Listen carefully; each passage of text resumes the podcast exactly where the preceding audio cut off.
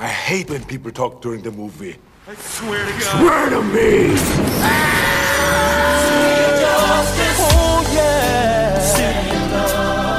Batman and Robin. Batman begins.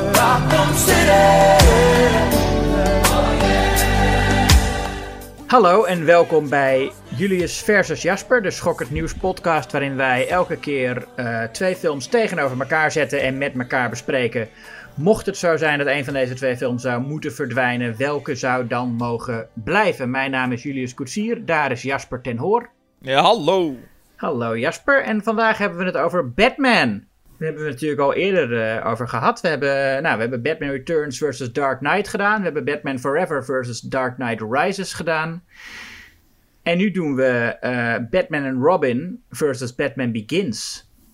Ja, mag ik al meteen zeggen dat ik enorm veel zin in deze aflevering heb? Dat mag, waarom? nou, de, de voornaamste reden is eh, omdat eh, jij, Julius, Ja. het een keer mag gaan opnemen voor een Christopher Nolan Batman film. Ja. Ja, ja, ja dat ga, ik- ga het inderdaad opnemen voor Batman Begins. eh, omdat jij het eh, voor Batman and Robin gaat opnemen. Nou ja, ik heb het in die vorige twee afleveringen die je net al noemde, heb ik het dus opgenomen en voor The Dark Knight en voor The Dark Knight Rises. En dan is het wel zo reëel dat jij nu de beurt krijgt. Nee, het is, is, ook, is ook eerlijk. En, eh, en, en weet je, ik kan het. Ik, kijk, ik vind eh, Nolan is zeker niet mijn favoriete regisseur. Maar we hebben eigenlijk alleen maar. ehm, we zijn heel vaak kritisch op hem. We hebben ook een keer in- in- Inception Interstellar gedaan. En ja, daarin verdedigde ik Interstellar, wat ik ook ja, lang geen perfecte film vind. We hebben nooit zijn beste films besproken. Wat, wat ik zijn beste films vind: Memento en eh, The Prestige. Nou, dat lijkt me een goede voor, een, eh, voor ook een keer een aflevering om even wat positiefs over Nolan te kunnen zeggen. Ja, want ditmaal, ik kan hem wel alvast verkl- verklappen hoewel ik de film ga verdedigen, eh, zal er ook wel veel aan te merken zijn op Batman Begins. En hetzelfde geldt misschien voor Batman en Robin. Nou, het is wel grappig, want ik bedoel, wij zijn een, een podcast van meningen gelukkig en niet van statistieken. Want als je puur naar de statistieken zou kijken, is dit een, een, een eh, gelopen race. Want we hebben het nu toch over twee uitersten. Want Batman Begins van Nolan. Nou, dat, dat, het is dat, dat Nolan zelf nog The Dark Knight maakte. Maar anders was Batman Begins wel een beetje het Walhalla voor velen. Staat hoog in allerlei lijsten. Terwijl Batman en Robin, ja, staat bekend als sowieso de, de film die de franchise de das omdeed. Maar ook, nou ja, als een van de slechtste superheldenfilms aller tijden. Ja, was heel lang inderdaad de, de meest gehate film onder nerds. Samen met zeg maar de Star Wars prequels. Dat is zo'n film die je als, je als je nerd was, moest je die film echt haten. Ehm, en, dat, en, en in het geval van Batman en Robin ging dat destijds ook wel echt gepaard met eh, een soort... Het aan de ene kant is er die houding van nerds die dan Batman lezen. En die niet willen toegeven dat Batman eigenlijk bedacht is voor kinderen. Of dat het in elk geval onder kinderen eh, destijds heel populair was. En die zeggen dan van nee, maar die oorspronkelijke strips waren allemaal heel duister en heel serieus. Wat tot op zekere hoogte wel zo is. Maar dat valt ook wel weer mee. Zeker als je kijkt naar de late jaren 40 met Robin erbij. Eh, maar die willen dan helemaal zeggen van nee, maar Batman, dat, is echt, dat zijn echt serieuze, duistere zaken. En, eh, en eh, dus, dus die Schumacher met, met zijn kinderachtige gedoe, dat hoort, dat, is Batman niet. En daar zit ook een soort, eigenlijk een soort schaamte in. Van dat jij op je 25ste nog steeds Batman leuk vindt. En dat je niet, Eh. wil, niet wil toegeven dat het eigenlijk malligheid voor kinderen is. En dat, dat is helemaal niet erg. Wat, wat, wat ik wil zeggen is, je, je hoeft je er helemaal niet voor te schamen. Het is prima als je, als je dingen eh, eh, die voor kinderen zijn leuk vindt. En het is ook prima als je daar diepgangen in ziet die kinderen nog niet zien. Hè? Je kan heel veel dingen die in principe voor kinderen bedacht zijn, ook zoals Star Wars ook. Daar kun je als volwassene ook lagen in ontdekken die kinderen niet zien. Eh, dus ik denk dat die schaamte helemaal niet nodig is. En dat die schaamte onder andere de reden is dat die eh Schumacher-films zo verguisd zijn. Ja, en het is wel grappig wat je zegt, dat er mensen zijn die dan zeggen... nee, maar de strips zijn eigenlijk duister. Nou, de, de films laten dat eigenlijk ook wel een beetje zien.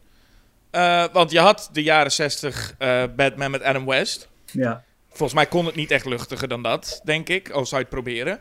En toen kwam Burton met De Duistere Batman. En als je die film, ik heb hem onlangs nog weer gezien, de Batman van Burton, dat die toen be- bekend stond als De Duistere Batman. Mhm. En als je hem nu kijkt, denk je, god, het is, dat, dat, dat valt allemaal wel mee. Ja. Ik denk, en, en in het vervolg hebben we het dan over gehad in een aflevering Batman Returns. Ging die ietsjes duisterder? Ehm, werd al snel teruggefloten natuurlijk. Maar daarna kreeg je dus Schumacher met zijn twee films. En toen kregen we Nolan met nog iets duistere Batman. En zeiden ze, ja nee, dit is echt de duistere Batman. ja. Nou, en laten we even naar het heden gaan, waarbij je nu op dit moment dat wij dit opnemen, The Batman in de bioscoop draait. En Ja. dat is de dan nog, nog duistere Batman. Ja, misschien moeten we zo, voordat we beginnen over de film die we vandaag gaan bespreken, toch even een heel klein beetje geschiedenis eh, van Batman op het witte doek. Want je had, eh, eerst had je in de jaren 40 had je al twee serial reeksen. Dat waren zeg maar tv-series voordat de, de tv eh, populair was. Dus dat waren gewoon, gewoon afleveringen van, van een half uur die elke week in de bioscoop draaiden. En dan ging je kocht je een kaartje voor een middagje bioscoop. En dan ging je naar eh, twee films en een tekenfilm en een aflevering van zo'n serial. En dan zag je Batman. En dat, dat zijn heel slechte series, die, die eerste twee Batman-series. Maar daar, is wel, daar komt de Batcave vandaan. Die zat eerder in die series dan in de strip. Dus dat hebben we wel aan de serial te danken, het idee van de Batcave. Ehm, daarna had je inderdaad in de jaren 60 eh, eh, de Batman-serie en film van Adam West. Die eh, heel trouw gebaseerd is op de comics uit die tijd. En van, van die, voor, voor die tv-serie zijn echt gewoon wat eigenlijk wat Rodriguez en eh, Zack Snyder later gedaan hebben met Sin City en, eh, en, en 300 werd toen al gedaan met, met Batman-strips. Dat ze gewoon letterlijk de strip pakten en, en, en de plaatjes een beetje als storyboard gebruikten. Voor, eh, niet, voor, niet, alle afleveringen, maar wel voor veel afleveringen. Ehm, waren dat gewoon echt letterlijke bewerkingen van de specifieke strips uit die tijd. Ehm, en dat was ja, hoe Batman toen was. Gewoon goofy malligheid. En ik heb wel het idee dat, al- althans, corrigeer me als ik het fout Mhm. heb, maar ik heb ook het idee dat die serie veel gedaan heeft. Nou, iedereen kent die theme nog steeds en dat, dat, dat pauw en dergelijke Ja, is, ja. is nog bij iedereen bekend. Maar ook de schurken die daar naar voren werden gehaald. En met name met z'n allen ook in de film zitten van, van eh, de jaren 60. Volgens mij zijn dat nog steeds bekend als de bekendste schurken. En ik weet niet of dat in de strips destijds ook zo was, maar volgens mij zijn die schurken wel allemaal naar voren gehaald met... Dit zijn eh, Batmans bekendste ja. eh, vijanden.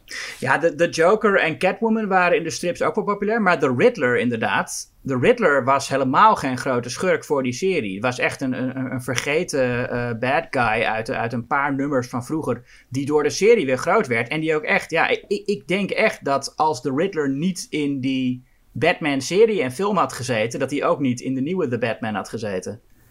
Nee, en je had dus de, de, de, de, de Riddler die we dus nu al, nou na deze keer nog al twee keer in, in een film hebben gezien. En hetzelfde geldt voor nu de, de Penguin, die er ook in zat. Ja, ja Penguin inderdaad. En eh, nou ja, wat, wat er heel lang was dat inderdaad het, het, het imago van Batman werd bepaald door Adam West. En eh, het was eigenlijk in de jaren tachtig dat Frank Miller, een aantal, de, de, de striptekenaar en schrijver, eh, met The Dark Knight Returns en met Year One twee iconische Batman-strips maakte. Waarvan vooral The Dark Knight Returns echt het imago van Batman weer helemaal eh, eh, duister maakte. En hard en rauw en serieus en ook intellectueel uitdagend. En echt een, een briljante strip trouwens, Dark Knight Returns. Ehm, en dat was eigenlijk de strip waardoor de Batman-fans zeiden van... oké, kijk, dit is wat Batman is. En toen Tim Burton zijn Batman maakte, was dat ook nou ja, lang niet zo duister en hard en serieus als Dark Knight Returns. Maar wel voor een superheldenfilm. ehm, wel echt inderdaad behoorlijk duister, ja. En, Ja, want het referentiemateriaal wat toen een beetje bestond was Superman. ja, precies. Die was wel een stukje luchtiger dan deze, eh, dan deze Batman van Tim Burton. Ja, en, en door het succes van Batman zeiden de studio's ook niet... we gaan nu heel veel superheldenfilms maken... maar we gaan nu heel veel films maken over pulphelden uit de jaren 30. Dus je kreeg toen wel Dick Tracy en... eh, hoe heet die gast? De, de Phantom.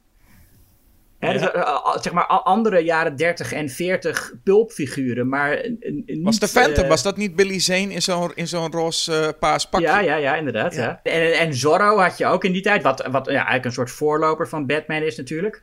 Mhm. Eh, dus, hij was, dus je, had, ja, je, had wel dat soort dingen, maar eh, dat, het, dat, het, dat superhelden populair zouden worden, was nog steeds niet echt een, eh, iets wat de studio's door hadden. Nee, en hetzelfde geldt natuurlijk dat de studio's ook niet per se voelden van het moet duisterder. Want dat deed Tim Burton dus met zijn tweede film, Batman Returns. En werd toen duidelijk wel gezegd, wat we in die podcast ook zeiden... eh, ja, hier kunnen we niks verkopen. Ja. Het moet wel, het moet wel in een McDonald's reclame kunnen. Ja, precies. Want in de bioscoop deed Batman Returns het best wel goed. De, eh, maar eh, de merchandise was- werd inderdaad een probleem. En bij Joel Schumacher is inderdaad ook echt gezegd van... eh, McDonald's heeft het scenario van eh, eh, eh, Batman Forever gelezen... en heeft gezegd, hier moet meer speelgoed in. Ehm, en dat hebben we ge- gezien. Dat, dat, dat hebben we gezien en zullen we ook nog wel opkomen. Eh, als we in, door Batman en Robin gaan, wat, eh, wat zijn... nou ja, wat het einde even van Batman betekent. En wat mensen dus toen ook schetsten als... Dit is ook het einde van de... eh, nou, de superheldenfilm wordt nu nooit meer serieus genomen. Zo werd er toen gezegd. Ja, Eh. waardoor Batman en Robin eigenlijk ook verantwoordelijk is voor de golf serieuze superheldenfilms die zeven jaar later begon. Want het was het, het was het einde van een tijdperk. Maar omdat, omdat eigenlijk die film werd niet zo goed ontvangen en het publiek was het ook een beetje zat, vond het allemaal wat te ver gaan. En daardoor kon Nolan zeggen van, nou ja, nu ga ik even een serieuze doen. Ja, en eigenlijk is het al zo dat als je kijkt van... Als men dan zegt Batman Robin was verantwoordelijk voor het einde van de superheldenfilm. eh, een jaar later kreeg je Blade. Hm. Eh, eh, het, het drie jaar later kreeg je in ieder geval X-Men. En nou ja, Oh ja. met, X, Ja. met X-Men kreeg je Spider-Man. En toen was het eigenlijk ook alweer weer klaar. Ja, en X-Men was ook heel erg me- meer gegrond in de realiteit dan Batman en Robin. En, we, en van we gaan niet al die malle pakjes aantrekken en zo. Nee, precies. Dus eigenlijk was het vrij snel al wel... werd er al een, een, een nieuwe, nieuwe weg uitgestippeld. Ja, dat is En raar, hè? Dat is als je denkt van hoe oud... Dat komt ook door hoe oud wij toen waren. Voor mij is dat echt een heel ander tijdperk. Van Batman en Robin naar Batman Begins. Maar er zit zeven jaar tussen. Ja, dat valt reuze mee. Ja, dat valt heel erg mee. Dat is, ik bedoel, zo oud is eh, Guardians of the Galaxy nu of zo. Ja. Ja, en toen was dus eh, Nolan. En Nolan heeft in 2005 dan ook wel ja, iets nieuws gedaan. Waardoor het toen werd gezegd. En daar, eh, eigenlijk zie je nog steeds, tot op de dag van vandaag, dat daar wel eh, op meegelift wordt. Met wat hij daar deed. Ja. En dat probeert men nu nog steeds. En er wordt een soort van standaard grapje. Wat mensen nu een beetje, beetje halen is van. Als The Batman nu nog, nog duisterder is. Hoe, hoe duister moet de Batman wel niet zijn over tien jaar? Ja. Als ze deze lijn door gaan zetten. ja. Maar het wat, is wel wat vond vrij jij duidelijk. van, eh, van de Batman? Ik, ik kon er niet veel mee. Hm. Ik, eh, het, het was een, behoorlijke teleurstelling. Ik, ik vind het sowieso vervelend dat die film 6,5 uur duurde. Ja. Maar, eh, en we zullen er niet daar te veel op ingaan, want die film draait nog, dus om niet te veel te spoilen. Maar ik, ik, eh, het, het voelde als een, een, een verlengstuk van Batman Begins, waar we het straks over gaan hebben. Maar dan, ja, op, op, ik, ik, ik, er is ook een probleem met Batman. En dat is, het is uit, ergens ook gewoon een beetje een, een suf figuur. Een knullig figuur. Hm. En ik, ik, juist hoe rauwer je het maakt, hoe dommer hij eigenlijk wordt. Dus ik zie Batman, ook in Batman Begins komen we er straks op, maar hier zie je Batman in zo'n super, in zo'n nou, David Fincher-achtige film, staat er zo'n man in zo'n pak. ja, En dat, dat- ik ook inderdaad. Staat hij op zo'n crime scene. Ja. En dan lopen die politieagenten daar naar binnen en die kijken echt zo van, ja, wat doet hij hier? En ik denk hetzelfde. Ik denk, ja, het zal er maar staan. In een carnavalskostuum. ja. Ja, en dan kijkt hij zo boos. En dan denk Ja. ik, ja, dit is ook wel gewoon, dit Nee, is ook wel ik gewoon ook. dom. Ik vond, wel, ik vond het wel fijn dat het een Batman-film was in een eigenlijk een ander genre. Want het is inderdaad meer een soort David Fincher-achtige thriller dan een klassieke superheldenfilm. Ehm, maar dat het wel echt een reden heeft om een Batman-film te zijn. Want Joker was dan een Batman-film in een ander genre die eigenlijk ook niks met Joker of Batman te maken had. Het was echt totaal geen reden om, dat een, eh, om die film in het Batman-universum te, te plaatsen. Maar hier had het nog wel, die film zei wel iets over Batman. En weliswaar iets dat we eerder gehoord hebben, maar desalniettemin. Dat had, hij had wel echt een reden om een Batman-film te zijn. En ik vind het ook leuk om Batman the Detective uh, weer eens te zien. Um, ik vond het wel, om één ding over die film te zeggen. Ik vond het wel grappig dat Batman. Er is op een gegeven moment een raadsel dat de Riddler heeft verzonnen. Waarin ja. hij uh, iets met een rat met vleugels is de, is de hint. En dan kan Batman maar één dier met vleugels verzinnen. En dan zegt hij: een, een beest met vleugels. Ja, uh, een, een duif. en dan, maar ja, hij heeft, hij zelf een, vleermuis, moet je voorstellen. Die heeft vleugels. Maar, en, en een pinguïn heeft vleugels. En er zit er ook nog iemand in die Falcone heet. Die heeft ook vleugels, een valk. Maar Batman doet er echt. Uh, hij, hij, hij, doet er echt dagen over om, om te zeggen: hé, hey, wacht eens even. Een valk heeft ook vleugels. Ja. ja. Oké, okay, dan, dan doe ik ook eentje dan vanuit de Batman. Ik, uh, omdat we het toch hebben over hoe goede detective hij is. Dus ook een beetje dat hoe het dan soms ook slecht geschreven is. Hij staat op een gegeven moment te kijken naar allemaal, allemaal voorwerpen. En dan zit je zo een beetje te, te, te denken van wat moet dit allemaal zijn en wat is dit. En dan komt er een agent binnen. En die zegt dan, omdat er een moord gepleegd is, en die zegt dan... Ja, wat een mafkees, hè? Dat hij iemand afmaakt met een, met een uh, tapijtkrabber. en dan zegt Batman, wat? En dan zegt hij, ja, ja, ja, nee, mijn, mijn, mijn... En dat zegt die agent ook zo uit het niets. Ja, mijn, mijn vader of zo was een uh, tapijtverwijderaar. Uh, en daarom weet ik wat dat is. En dan zegt Batman, oh, tapijtverwijderaar. En dan gaat hij tapijt daar verwijderen en dan komt hij achter een... En dan denk ik, ja, als ja. dit nou de manier is... Ja. Dus Batman weet het niet eens zelf, maar er komt dus een agent binnen. En dan denk ik, als je zo jezelf in een hoek geschreven hebt... dat je denkt, ik moet nu een agent maar binnen laten komen om te zeggen wat het is. Ja, het, het nou ja, goed. En ja. een ander ding wat me heel erg stoorde, maar daar zal ik niet te veel nu op ingaan... maar is het hele uiteindelijke plan nog. Want er is uiteindelijk nog een eindplan... waar de film zeg maar uur vier of vijf in gaat. En dan komt er nog zo'n soort plannetje met busjes die ontploffen en water. Nou, ik, toen dacht ik echt van ja... Ja. Waar, waar, waar, zit ik nu, nu, nu in hemelsnaam naar te kijken? Nou. Maar goed, geen. Uh, uh, laten, we, laten we niet te veel over de Batman dan inderdaad doorgaan, maar dat even, dat even gezegd hebben. Ja, ja, ja, ja, ja. Nee, laten we uh, inderdaad naar, naar, naar, naar Schumacher. Ja, we beginnen nu maar even bij het einde dan. He, we beginnen niet zoals Batman Begins, maar we beginnen even bij Batman en Robin 1997. Um, en ik ben wel blij dat ik het voor deze film mag opnemen. Maar nou, wat het eerste wat opvalt. Wat is het eerste wat opvalt? Wat mij betreft. Schwarzenegger krijgt gewoon de, weer, net als Jack Nicholson in de eerste film, de top billing. Ja. George Clooney was toen nog niet uh, bekend. Of nog niet heel bekend. Nee, en het boeit schijnbaar ook geen zak als je, als je Batman speelt in die film. Het is gewoon, wie is de grootste naam? En dan is het ja. Arnold Schwarzenegger. Um, en wat natuurlijk dan ook meteen opvalt, en dat zei je net ook al, Schumacher kreeg uh, bij Batman Forever al te horen van... Uh, er moet meer speelgoed verkocht worden. En hier is dat volgens mij nog, nog in het kwadraat. Mm -hmm. En dus de eerste, de eerste, nou ja, het, eerste wat we ook zien is de Batmobile. En, en uh, Robin die zegt, I want a car. Chicks dig the car. Ja, dan, dan weet je, dit is volgens mij ook weer de, dit is gewoon de commercial van uh, het speelgoed. Ja. Wat we hier nou zien. Ja, die hele openingsscène voelt ook echt alsof hij gemaakt is om als tv-reclame uitgezonden te worden. Want het zijn alleen maar one-liners. En het is Ja. helemaal niet. Niks staat in dienst van het verhaal of zo. Er komen gewoon opeens staan een auto en, en Batman en Robin komen aangelopen. En dat is het eerste wat Robin zegt: is I want a car, chick digs the car. En dan zegt Batman even: This is why Superman works alone. Waardoor de vraag opgeroepen wordt, overigens: betekent dat dat Superman in dit universum ook bestaat? Of kent Batman gewoon Superman uit de strips? Nou, er schijnt dus, en ik weet niet of dit dus klopt, ik heb het niet gefact-checked, maar er schijnt dus zo te zijn dat als dit, deze film een succes was geweest, was er ongeveer in deze tijd, werd er een Superman-film ontwikkeld door Tim Burton. Met Nicolas Met Cage, Nicolas Cage, Als, oh ja. eh, als Superman. En er was dus wel waarschijnlijk een mogelijkheid dat we, als die film doorging en dit was allemaal een succes, we een soort George Clooney en Nicolas Cage als Batman en Superman film zouden krijgen. Hm. Waarbij ik wel denk, dat, is ook, dat zou wat zijn geweest als we die hadden gehad, zeg. Hm.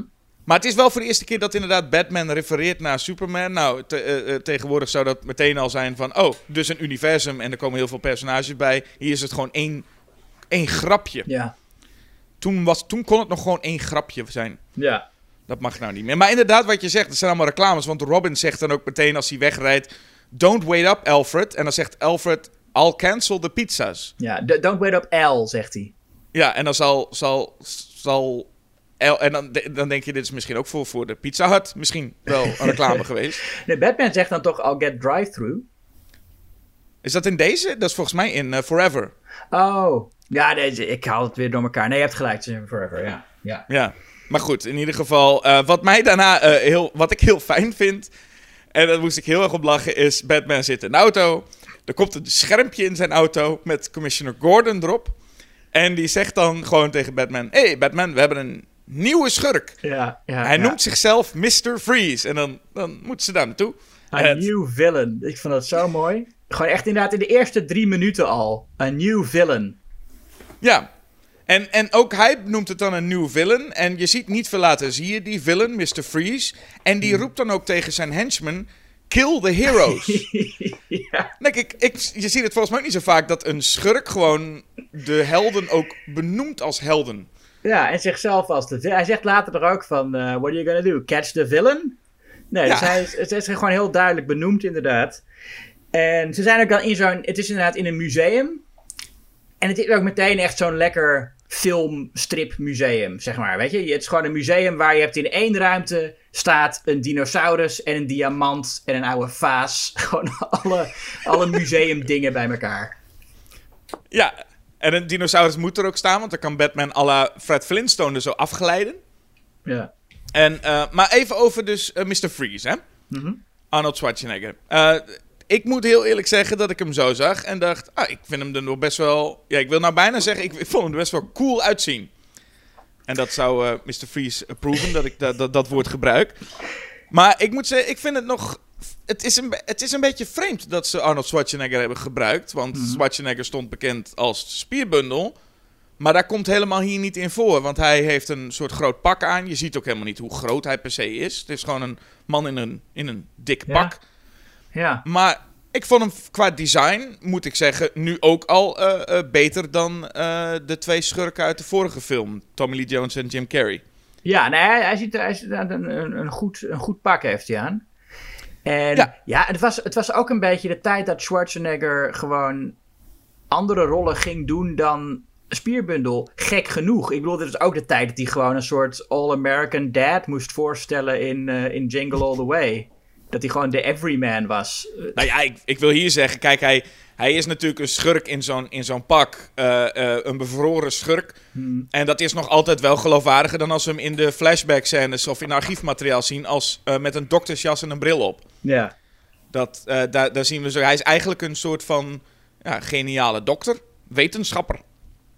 En ja, ja, dat, die bij dat, een ongeluk is hij dan zijn vrouw verloren. Zij is dood en hij heeft er overleefd, maar kan nu alleen maar overleven bij eh, heel lage temperatuur. Ja, en hij, wat zijn plan precies is, weet ik eigenlijk ook niet. Maar hij heeft in ieder geval diamanten nodig. Ja, om een soort. eh, om, ja, om, om, om zijn, om zijn vriesmachines eh, te, te laten werken. Daar heeft hij blijkbaar diamanten voor nodig. En hij zoekt een medicijn om zijn vrouw te, te genezen. Want ik, zeg, ik zei wel dat ze is overleden, maar dat is niet zo. Ze leeft nog, maar ze is bevroren. En als hij er terug wil halen, dan heeft hij, eh, heeft hij een, een medicijn nodig voor wat ze heeft. En daar is hij naar op zoek. En daartoe gaat hij dan. eh, nou, dat is een beetje vaag waarom, hij dat, waarom dat noodzakelijk maakt dat hij eh, eh, eh, mensen gaat bevriezen. En het wordt ook heel. het, het wordt ook op zo'n simpel manier zoals het dus is. hey, Batman is een nieuwe, hier is een nieuwe schurk. En hij zegt: vermoord de helden. Zo pakt hij op een gegeven moment een krant. En hij heeft namelijk nog een diamant nodig. Hij pakt de krant, leest dan hardop zelf: Bruce Wayne, Diamonds. Good. Dus dan heeft hij. Dat, dat, is, dat is genoeg informatie. Hij weet gewoon iets met diamanten, iets met, met eh, eh, Bruce Wayne. En, en, en klaar is Kees. Ja.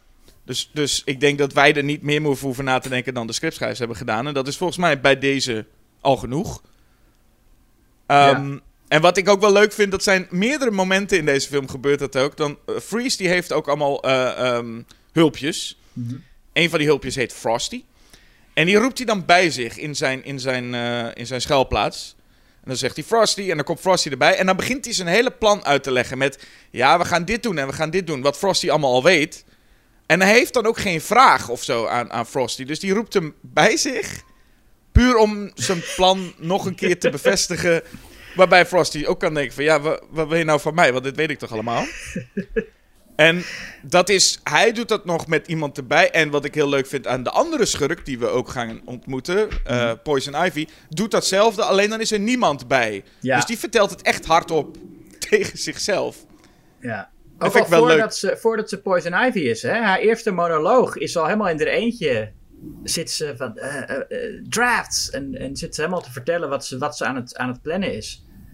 Ja, want mocht iemand denken, Arnold Schwarzenegger, oh dat is flink overacteren, dan denk ik, nou, ik, ik, je kunt zeggen Arnold Schwarzenegger. Eigenlijk als ik de schurken van de vorige keer ook pak, Tommy Lee Jones, Jim Carrey. eh, Arnold Schwarzenegger is nog het meest subtiel van allemaal. Want Uma Thurman, Ja. die, die kan er ook wat van. Ja, nee, Uma Thurman vind ik veel eh, beter ook hierin. Ik vind Schwarzenegger, hij lijkt soms, lijkt het toch dat hij zich een beetje verveelt. En dat hij het vooral van het pak en van de one-liners moet laten afhangen. Hij hoeft ook niet zoveel te doen. Terwijl Uma Thurman inderdaad eh, flink eh, de decors aan het fijnkouwen is. Ja, en de vraag is ook of Uma Thurman is ook een beetje de schurk. Want Arnold Schwarzenegger speelt weliswaar de schurk. Maar volgens mij is er, heeft hij ooit zelf ook een keer bepaald na, na de Terminator... ik ga geen schurk meer spelen. Of ik, misschien dat anderen dat zeiden, van, dat, dat hij nooit meer een schurk wordt. En dat is in deze film ook discutabel, omdat hij toch wel een... Nou ja, een, het loopt anders af, zeg maar, met hem dan de echte schurk omdat de vraag eigenlijk is: ja, we hebben Schwarzenegger één keer in de Terminator echt mensen zien vermoorden. En daarna heeft hij, volgens mij, zover ik weet, niet meer echt een, eh, zo'n soort rol gespeeld. Dus hij blijft ook een beetje een, een, een ach ja, een, een aardige schurk. en Poison Ivy is dan echt wel de, de slechterik hier. Ja, En zij, zij begint ook eh, een beetje zoals Catwoman in, eh, in eh, Batman Returns, toch? Ze begint als een beetje zo'n, ja, hoe heet ze? Dr. Isley? Ja Dr. Isley, ja. En is, is, zit dan in die, met die, zit dan bij zo'n mad doctor. John Glover is het. Ja, ja. En die begint eigenlijk, die doet het al even voor hoe je, hoe je flink moet gaan kauwen op, op de sets. Ja. Dat, dat, eh, hij gooit dan op een gegeven moment zo'n zo'n heel groot blik met venom, staat erop, in een apparaat. ja. En dan, oh ja, en dan, oh, dan creëert hij een, nog een schurk, waar we het al eens eerder over gehad hebben in eh, The Dark Knight Rises. Hij creëert Bane. Ja. Ja, dit, is, dit zal dan wel misschien Schumachers grootste belediging geweest zijn aan de Batman-fans. Want eh, ja, Bane was in de strips altijd wel echt een, een, een heel intelligente eh, figuur. Echt, eh, echt, ja, echt een, eh, die, die Batman niet alleen fysiek, maar ook mentaal verslagen heeft. In een van de beroemdste eh, Batman-reeksen, Nightfall. En om hem de, om dan zo been te zien als gewoon ja, een, een, een lomp monster dat volgepompt wordt met, met steroïden. Om, hij is een soort een, een, een, een schriel mannetje dat allemaal steroïden in zich krijgt. En dan wordt hij gewoon ja, een, soort, een soort hulpje van de schurk. Ja, dat is het nog het meest. Kijk, hij is natuurlijk, eh wat er wordt er gezegd dat het een, een, een crimineel is, een, een, een psychopaat is en dat hij dan been wordt. En dat hij, oké, dat hij alleen maar een beetje kan grommen en een paar woorden kan zeggen. Maar het is ook nog eens dat hij echt een hulpje wordt. Hij wordt echt een, een, een, een sidekick. Ja. Eh, ik, toen ik deze film voor het eerst zag, had ik geen flauw idee wie Bane was, dus ik geloofde het wel. Maar nu ik weet een beetje wie Bane hoort te zijn, kan ik me inderdaad wel voorstellen dat dit niet helemaal is wat je waarschijnlijk hoopt. Eh, het, het, het, het, geeft, het geeft wel een paar hele leuke momenten. Ik vind namelijk vooral als Bane eh, eh, incognito moet en dus een hoed opkrijgt en een lange jas. Vind ik wel een heel mooi beeld. En de, het hoogtepunt daarin is als een van de politieagenten van Gordon krijgt in zijn dossier zo'n foto te zien van Ivy en Bane samen op een vliegveld. En dan zie je zo'n perfecte foto van, van Poison Ivy met daarbij eh eh Bane in die jas en die hoed op. En Ja. dat is zo- zo'n mooi beeld. Dat ik denk, Ja. ja, dat, dat, dat, dat had ik ook eigenlijk niet willen missen hoor. Over perfecte foto's gesproken. Je hebt ook het moment, misschien spring ik heel erg van de hak op de tak, maar dat eh, Freeze zit te kijken naar beelden van zichzelf en zijn vrouw in betere tijden. Ja. En dat, maar dan zie je ze ook allebei zo he- vol in beeld. Van, eh, wie, wie heeft dit zitten filmen? dat jullie daar voor de spiegel zaten met z'n tweeën romantisch te doen. Ja, misschien was Frosty er toen ook al bij. Ja, en er zijn ook heel goede beelden trouwens te zien van hoe, hoe hij in dat, eh, in dat eh, in, zeg maar, in, ja, ik weet niet, het is gewoon fantasievloeistof valt waar hij dan eh, eh, van bevriest. Ehm, en en die, die kijken Batman en Robin dan. En dan zegt Robin, that's gotta hurt. Robin, ik vind Robin wel echt de meest vervelend hoor. Met al die over-de-top personages is Robin de enige die mij echt op de zenuwen gaat werken met zijn one-liners, met zijn cowabunga en zijn that's gotta hurt. En al die dingen die hip waren in de jaren 90. Ja, ja en dat is dat. Maar dat, had, dat was al in Forever zo eh, het geval. En dat is hier niet veranderd, inderdaad. Wat, trouwens, wel- wat je zegt, het is grappig dat alle, alle schurken. En dat begint bij Tim Burton's film met, van de, met de Joker. Maar elke schurk i- in deze film, in dit filmuniversum, heb ik het gevoel, valt in een vat met iets. Ja, Dat is en hier mij- zelfs, zelfs Robin valt op een gegeven moment in een, in een vloeistof. Ja, dat je denkt, die, die- meestal als iemand in vloeistof valt in dit soort films, dan verander je in iets. Dat, dat, dat hoort erbij. Ja. Maar het is een experiment dat misgaat. En dat wordt eigenlijk nog lange tijd doorgezet. En dat viel me op. Dat, dan had je op een gegeven moment dus al die films die dachten... nee, we gaan het helemaal anders doen. Viel me heel erg op dat op een gegeven moment... dat je The Amazing Spider-Man 2... waarbij dan Jamie Foxx weer echt in een, in een, in een bak met alen valt. En, Oh, ja. dan wordt hij, en dan wordt hij Electro. En dat voelde heel erg als van... ah ja, dat, dat, dat deed men toen, hè? Gewoon ergens invallen. en dan datgene waar je inviel, dat word je dan. Ja. En hier zijn het dus meerdere die dat gebeurt. Want Freeze is het gebeurd. En, en nou ja, Poison Ivy wordt ook een, een goedje. Ze valt, ze valt ergens tegenaan en dan wordt ze, wordt ze Poison Ivy. Ja. Ja, ehm, ja, nou goed, dat is natuurlijk ook. eh, ehm, dan wordt ze echt een campfiguur. En eh, dat is misschien nu een goed moment om, over, om het over camp te hebben. En over het feit dat Joel Schumacher de homo-subtekst van Batman echt heel bewust naar de oppervlakte bracht. Ehm, wat hij in Batman Forever al deed, maar hier echt nog meer. En ook zeker met die Poison Ivy die je ook als een soort drag queen zou kunnen zien. En het, zij heeft dus een soort liefdesstof waarmee ze alle mannen voor haar kan laten vallen. En Batman, Batman en Robin, nou, Batman is daar minder gevoelig voor. Wat je al zou kunnen zien als een soort eh, eh, knipoog hè, en, en naar de homo-subtekst.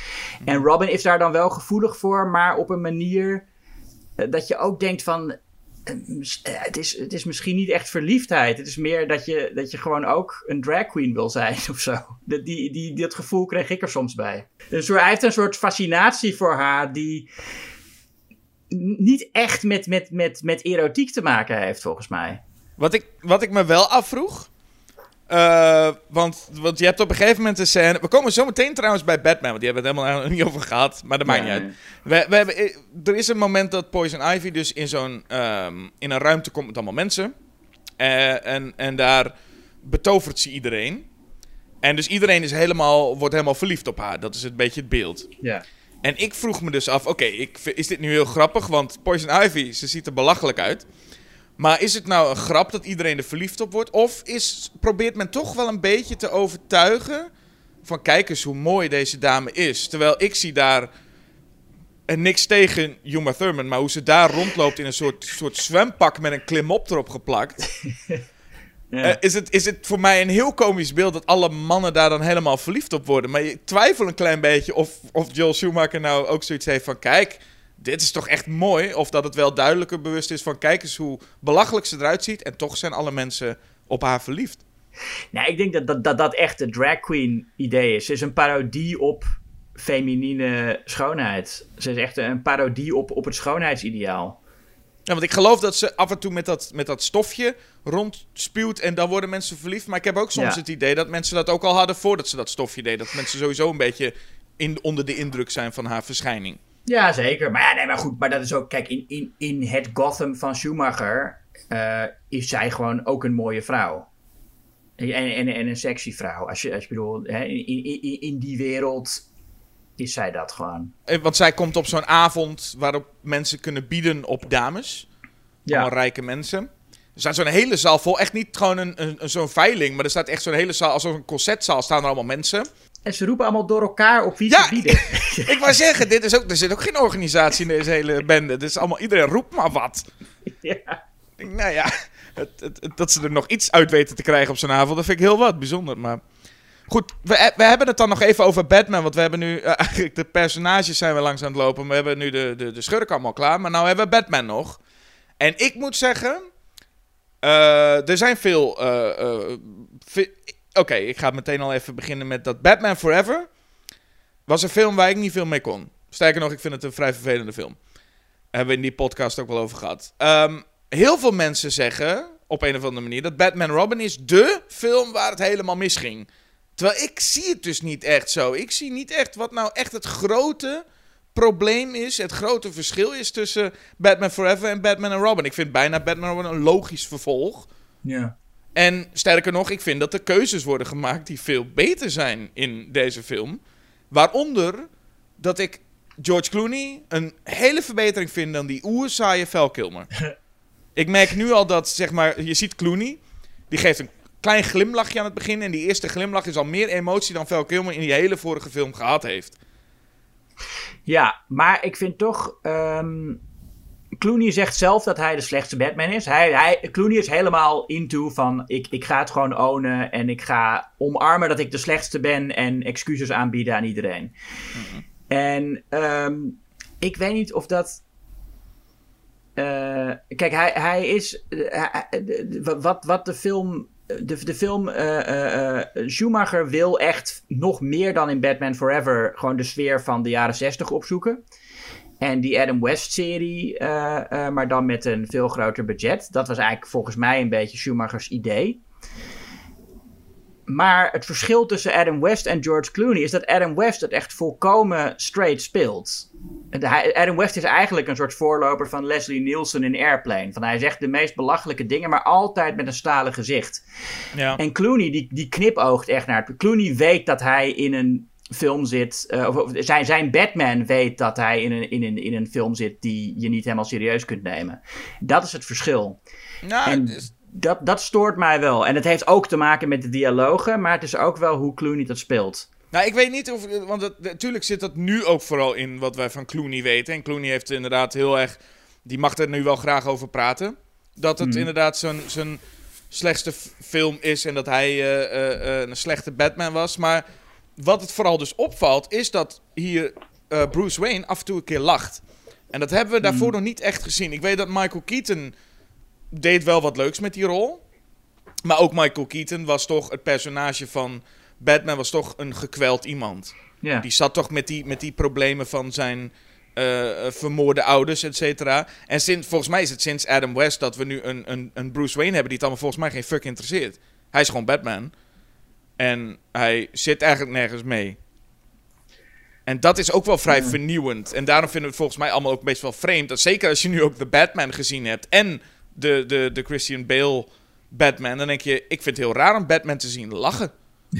ja. Want dat zien we niet zo vaak. Maar het, het, het is geen gekwelde ziel ditmaal. Dat vond ik eigenlijk wel een keer een verademing weer. Dus ik, die, die vergelijking met Adam West kan ik wel voorstellen. Ik snap wat je zegt. En Adam West deed het als, als, als de beste. Inderdaad, een goede vergelijking met Leslie Nielsen. Maar ik was wel een keer blij om eens te zien dat er geen Batman nu een beetje droevig aan het doen is in, in, met dat stomme masker op. Ja, nou, het is altijd natuurlijk de vraag. De vraag die ook in eh, eh, Batman Begins en ook in The Batman zit: van wat is nou het masker, Batman of Bruce Wayne? En in, in heel veel films is dan de conclusie dat Bruce Wayne het masker is en Batman dat dat zijn echte identiteit is. En eh, daarom is het ook vaak, ik vind zeker in The Batman bijvoorbeeld, ik vind Robert Pattinson daarin erg goed. Maar hij speelt Batman heel vlak. Of eh, hij speelt Bruce Wayne heel vlak. Bruce Wayne is echt alleen maar rouw en, en, en boosheid en droevigheid. En, eh, en, en dat past heel goed bij eh, Matt Reeves' interpretatie van dat personage. En ik vind dat ook gelden voor, eh, waar we later op komen, Christian Bale. Ik denk zijn Bruce Wayne is ook een behoorlijk vlakke rol eigenlijk. Een, een, rol die Batman speelt. En eh, bij Clooney heb ik het idee dat inderdaad Bruce Wayne meer een mens is. Dat dat, dat ook is wie hij echt is naast er zit- Batman. Er zit volgens mij wel een verschil in. Als ik het zo. Maar dat zie ik een beetje in. Wat, misschien ook wat oppervlakkig gezien op, op hoe ze spelen. De, Robert Pattinson, die, die speelt eigenlijk altijd Batman, heb ik het gevoel. Ook als het masker afgaat, blijft hij als Bruce Wayne gewoon Batman. En bij Christian Bale zit er echt een heel duidelijk verschil in. Hè, die speelt als, als Bruce Wayne vaak. Hè, dan gaat hij met modellen dingen doen en dan gaat hij een beetje lachen en een beetje genieten van het leven. Maar met Batman is hij meteen ook een ander figuur. Dan gaat hij meteen schreeuwen en boos doen. En bij Clooney heb ik het gevoel dat hij juist de hele tijd Bruce Wayne is, zelfs met Batman-masker op. En het duidelijkste is nog dat George Clooney ook geen enkele moeite als Batman doet om zijn stem te verbergen. Hij is gewoon, hij zegt ook gewoon, hello Freeze, I'm Batman. En Ja. je denkt ook, ja, dit masker heeft niet eens echt zin, want hij is gewoon zoals hij als Bruce Wayne is. Zo, hij praat zo, hij beweegt niet anders, hij is gewoon precies zo aan het doen. En dat valt ook wel op. Ja, nou ja, wat Alfred op een gegeven moment tegen hem zegt. We hebben het nog helemaal niet gehad over de rol van Alfred in deze film. Maar dat is ook wel een, een verrassende, vind ik. Nou, Eh, die zegt op een gegeven moment. Die, die legt eigenlijk uit wat Batman is. Hij zegt: Batman is jouw poging om de chaos van het leven onder controle te houden. En om de dood te overwinnen. Dat is Batman. Waarmee hij eigenlijk ook zegt: Batman is een onmogelijke fantasie. Want je kunt de dood niet overwinnen. Zo letterlijk zegt hij dat niet. Maar dat zit er wel achter. Eh, Batman is een, soort, is een, is een, is een, is een, is een, is een kopingsmechanisme voor Bruce Wayne. En volgens mij is dat in alle films ongeveer zo, toch? Dat, dat Alfred krijgt de rol van eh, tegen Bruce Wayne zeggen hoe het eigenlijk zit. Ja. En hier is dat niet anders. En hier staat die band met Alfred ook echt centraal, hè? Ja. Laten we het even over Alfred dan hebben. En dat is eh, voor de vierde keer gespeeld door Michael Go. Ja. Go? Go, go, go. Ik weet niet, hoe, hoe- zeg je, Ik- hoe zeg ik je zijn ik ga je niet, eh, Ik ga je niet corrigeren, ik, want ik weet het ook niet. Maar eh, ga je gaan. Oh ja, dat is natuurlijk wel een ding. Kijk, we hebben nu te maken met een Batman in, in eh, Robert Pattinson. We hebben nu te maken met een Batman die zo oud is als dat wij zijn. Er komt natuurlijk een tijd, want Alfred wordt ook steeds jonger. Nu in deze in de, Ba- de Batman wordt hij gespeeld door Andy Serkis. Eh, er komt natuurlijk een moment ooit dat je een Batman-film gaat zien waarbij Alfred dus jonger is dan jijzelf. Dat zal wat zijn, hè? Ja. Ja, maar wat hier dus nog wel het geval is, is dat hier is Alfred gewoon 90 jaar. En ik moet zeggen, als er dan op een gegeven moment, oké, de deurbel gaat. En dan zie je ook Alfred af en toe heeft hij, dat, dat verbergt hij voor iedereen, maar hij, hij is ziek. En dan, dan, dan doet hij de deur niet open. En dan heb je zo'n jonge Bruce Wayne staan. En dan een nog veel jongere Robin. En die zitten echt een beetje ongeduldig te kijken van, nou, wanneer doet die man van 95 die deur een keer open?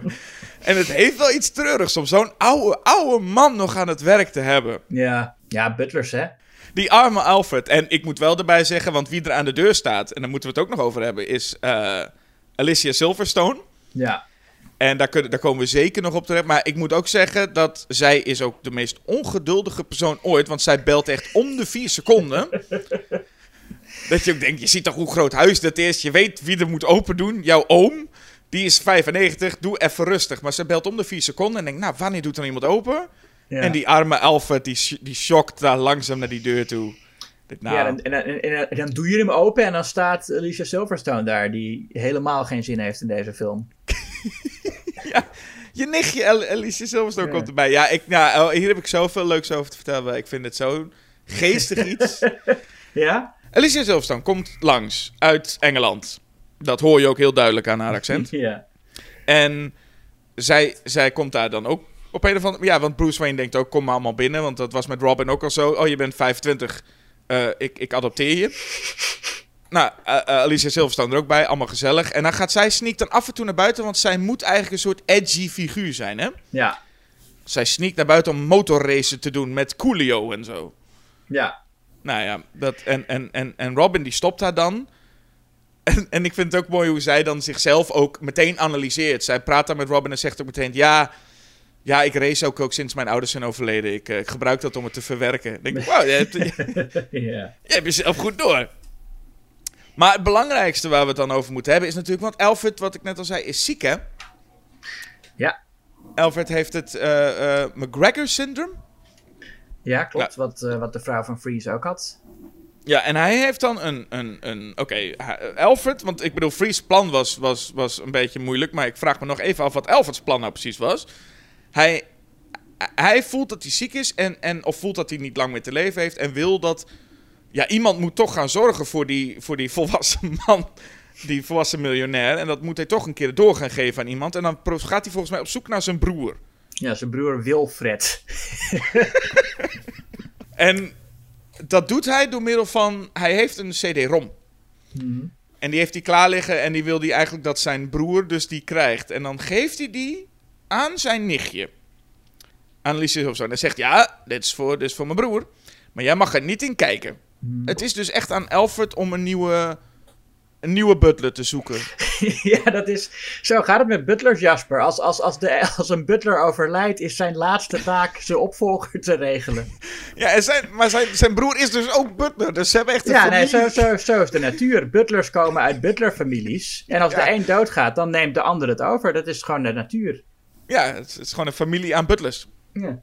En eh eh, Alicia Silverstone pakt die CD-ROM en die denkt dan, ja, want hij, want hij zegt nog, dit is, dit is alleen bestemd voor familie. En zij denkt, ja, maar wacht even, ik ben ook familie. ja. En dan gaat ze achter de computer. Nou, en dan, dan is het, de CD-ROM is verborgen met een wachtwoord. ja. En dan gaat zij dus wachtwoorden raden. Zit ze daar te, om woorden te typen. Het eerste woord wat ze typt is Alfred.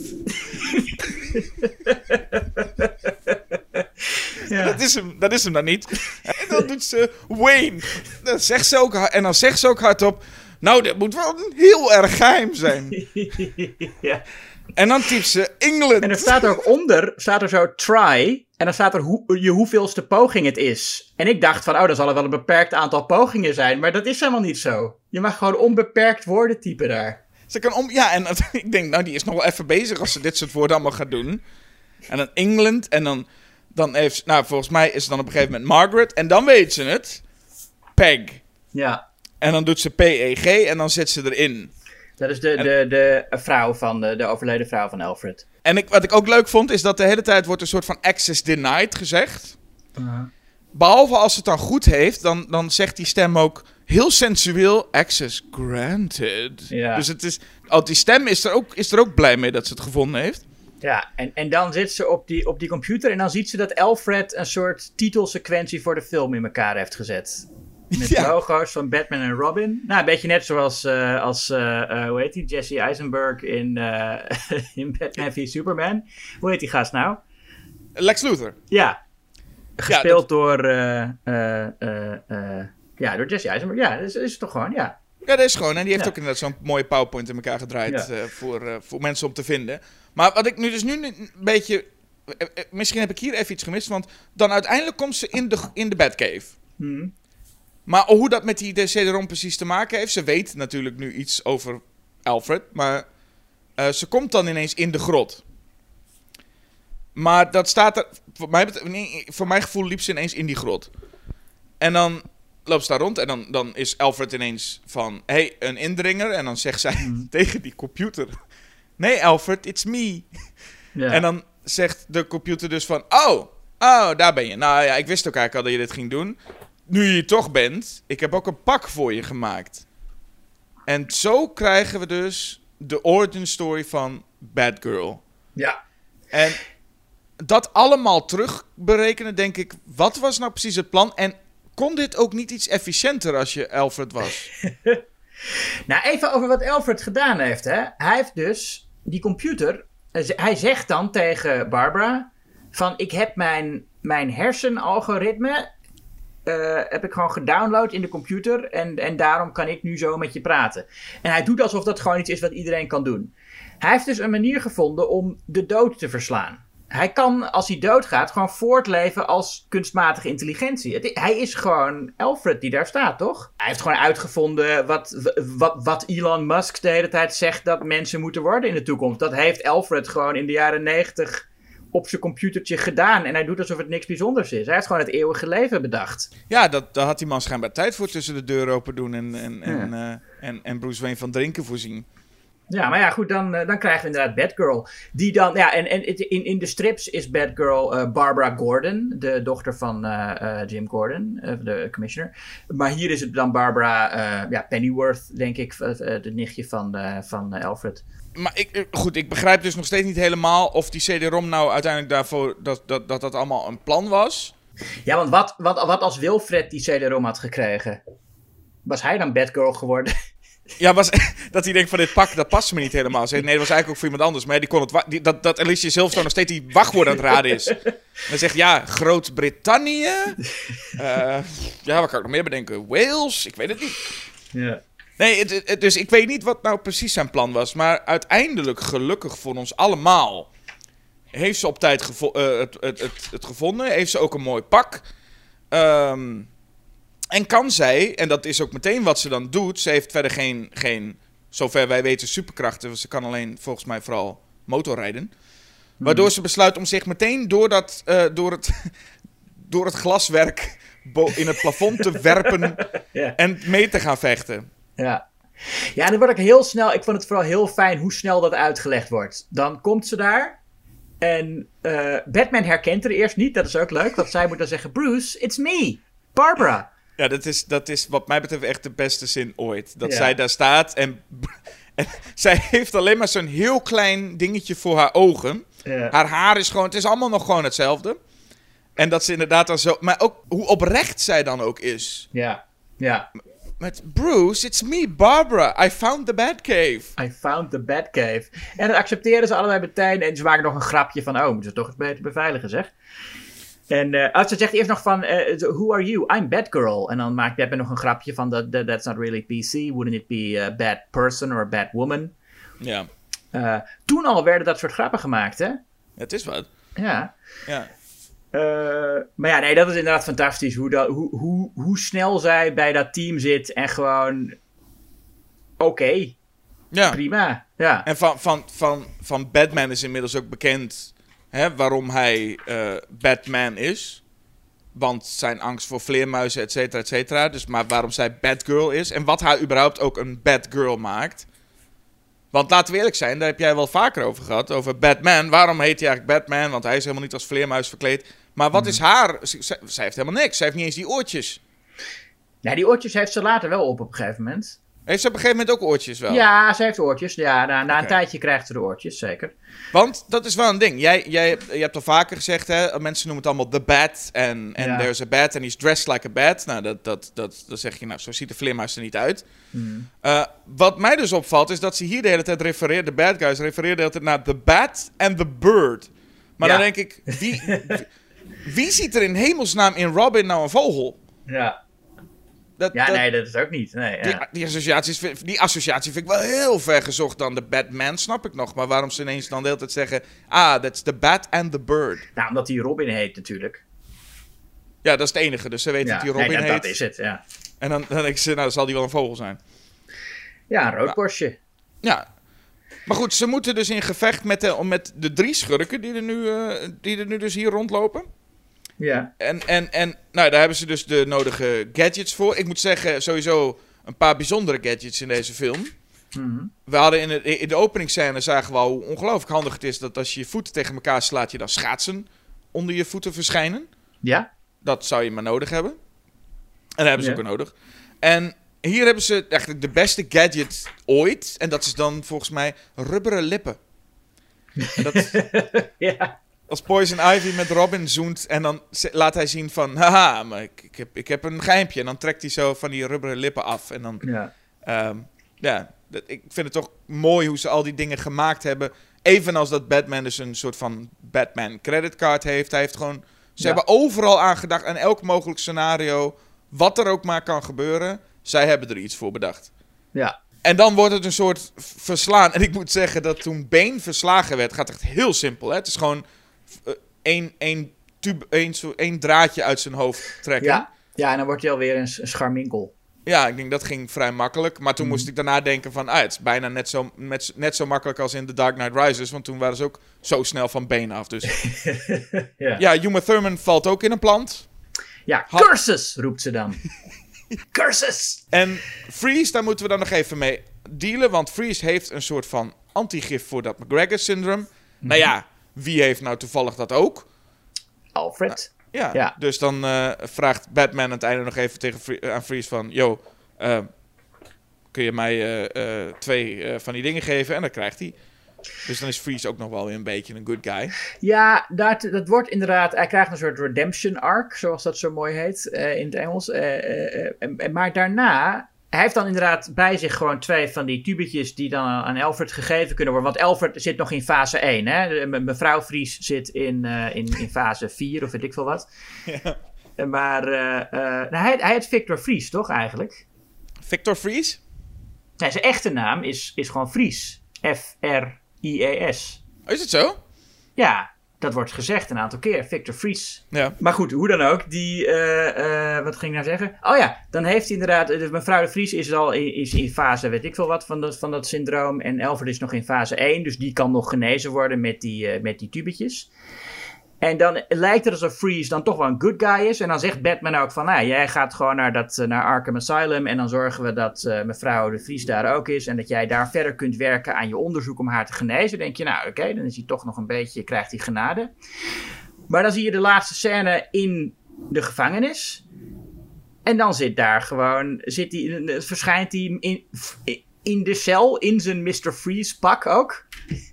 Ja. En dan mag hij, eh, en dan ga- zegt hij tegen Poison Ivy van, nou, ik ben je celmaat. En ik ga jou eens even een lesje leren. Ja, dat is dan toch, ja, jammer. Jammer, ja. Ik vind het best wel jammer, want ik vind ook Poison Ivy is in die scène best wel kwetsbaar ook. En ze zit daar, nou, ze is gewoon verslagen en ze zit een beetje eh, kwetsbaar en, en, en, en, en, zielig te zijn.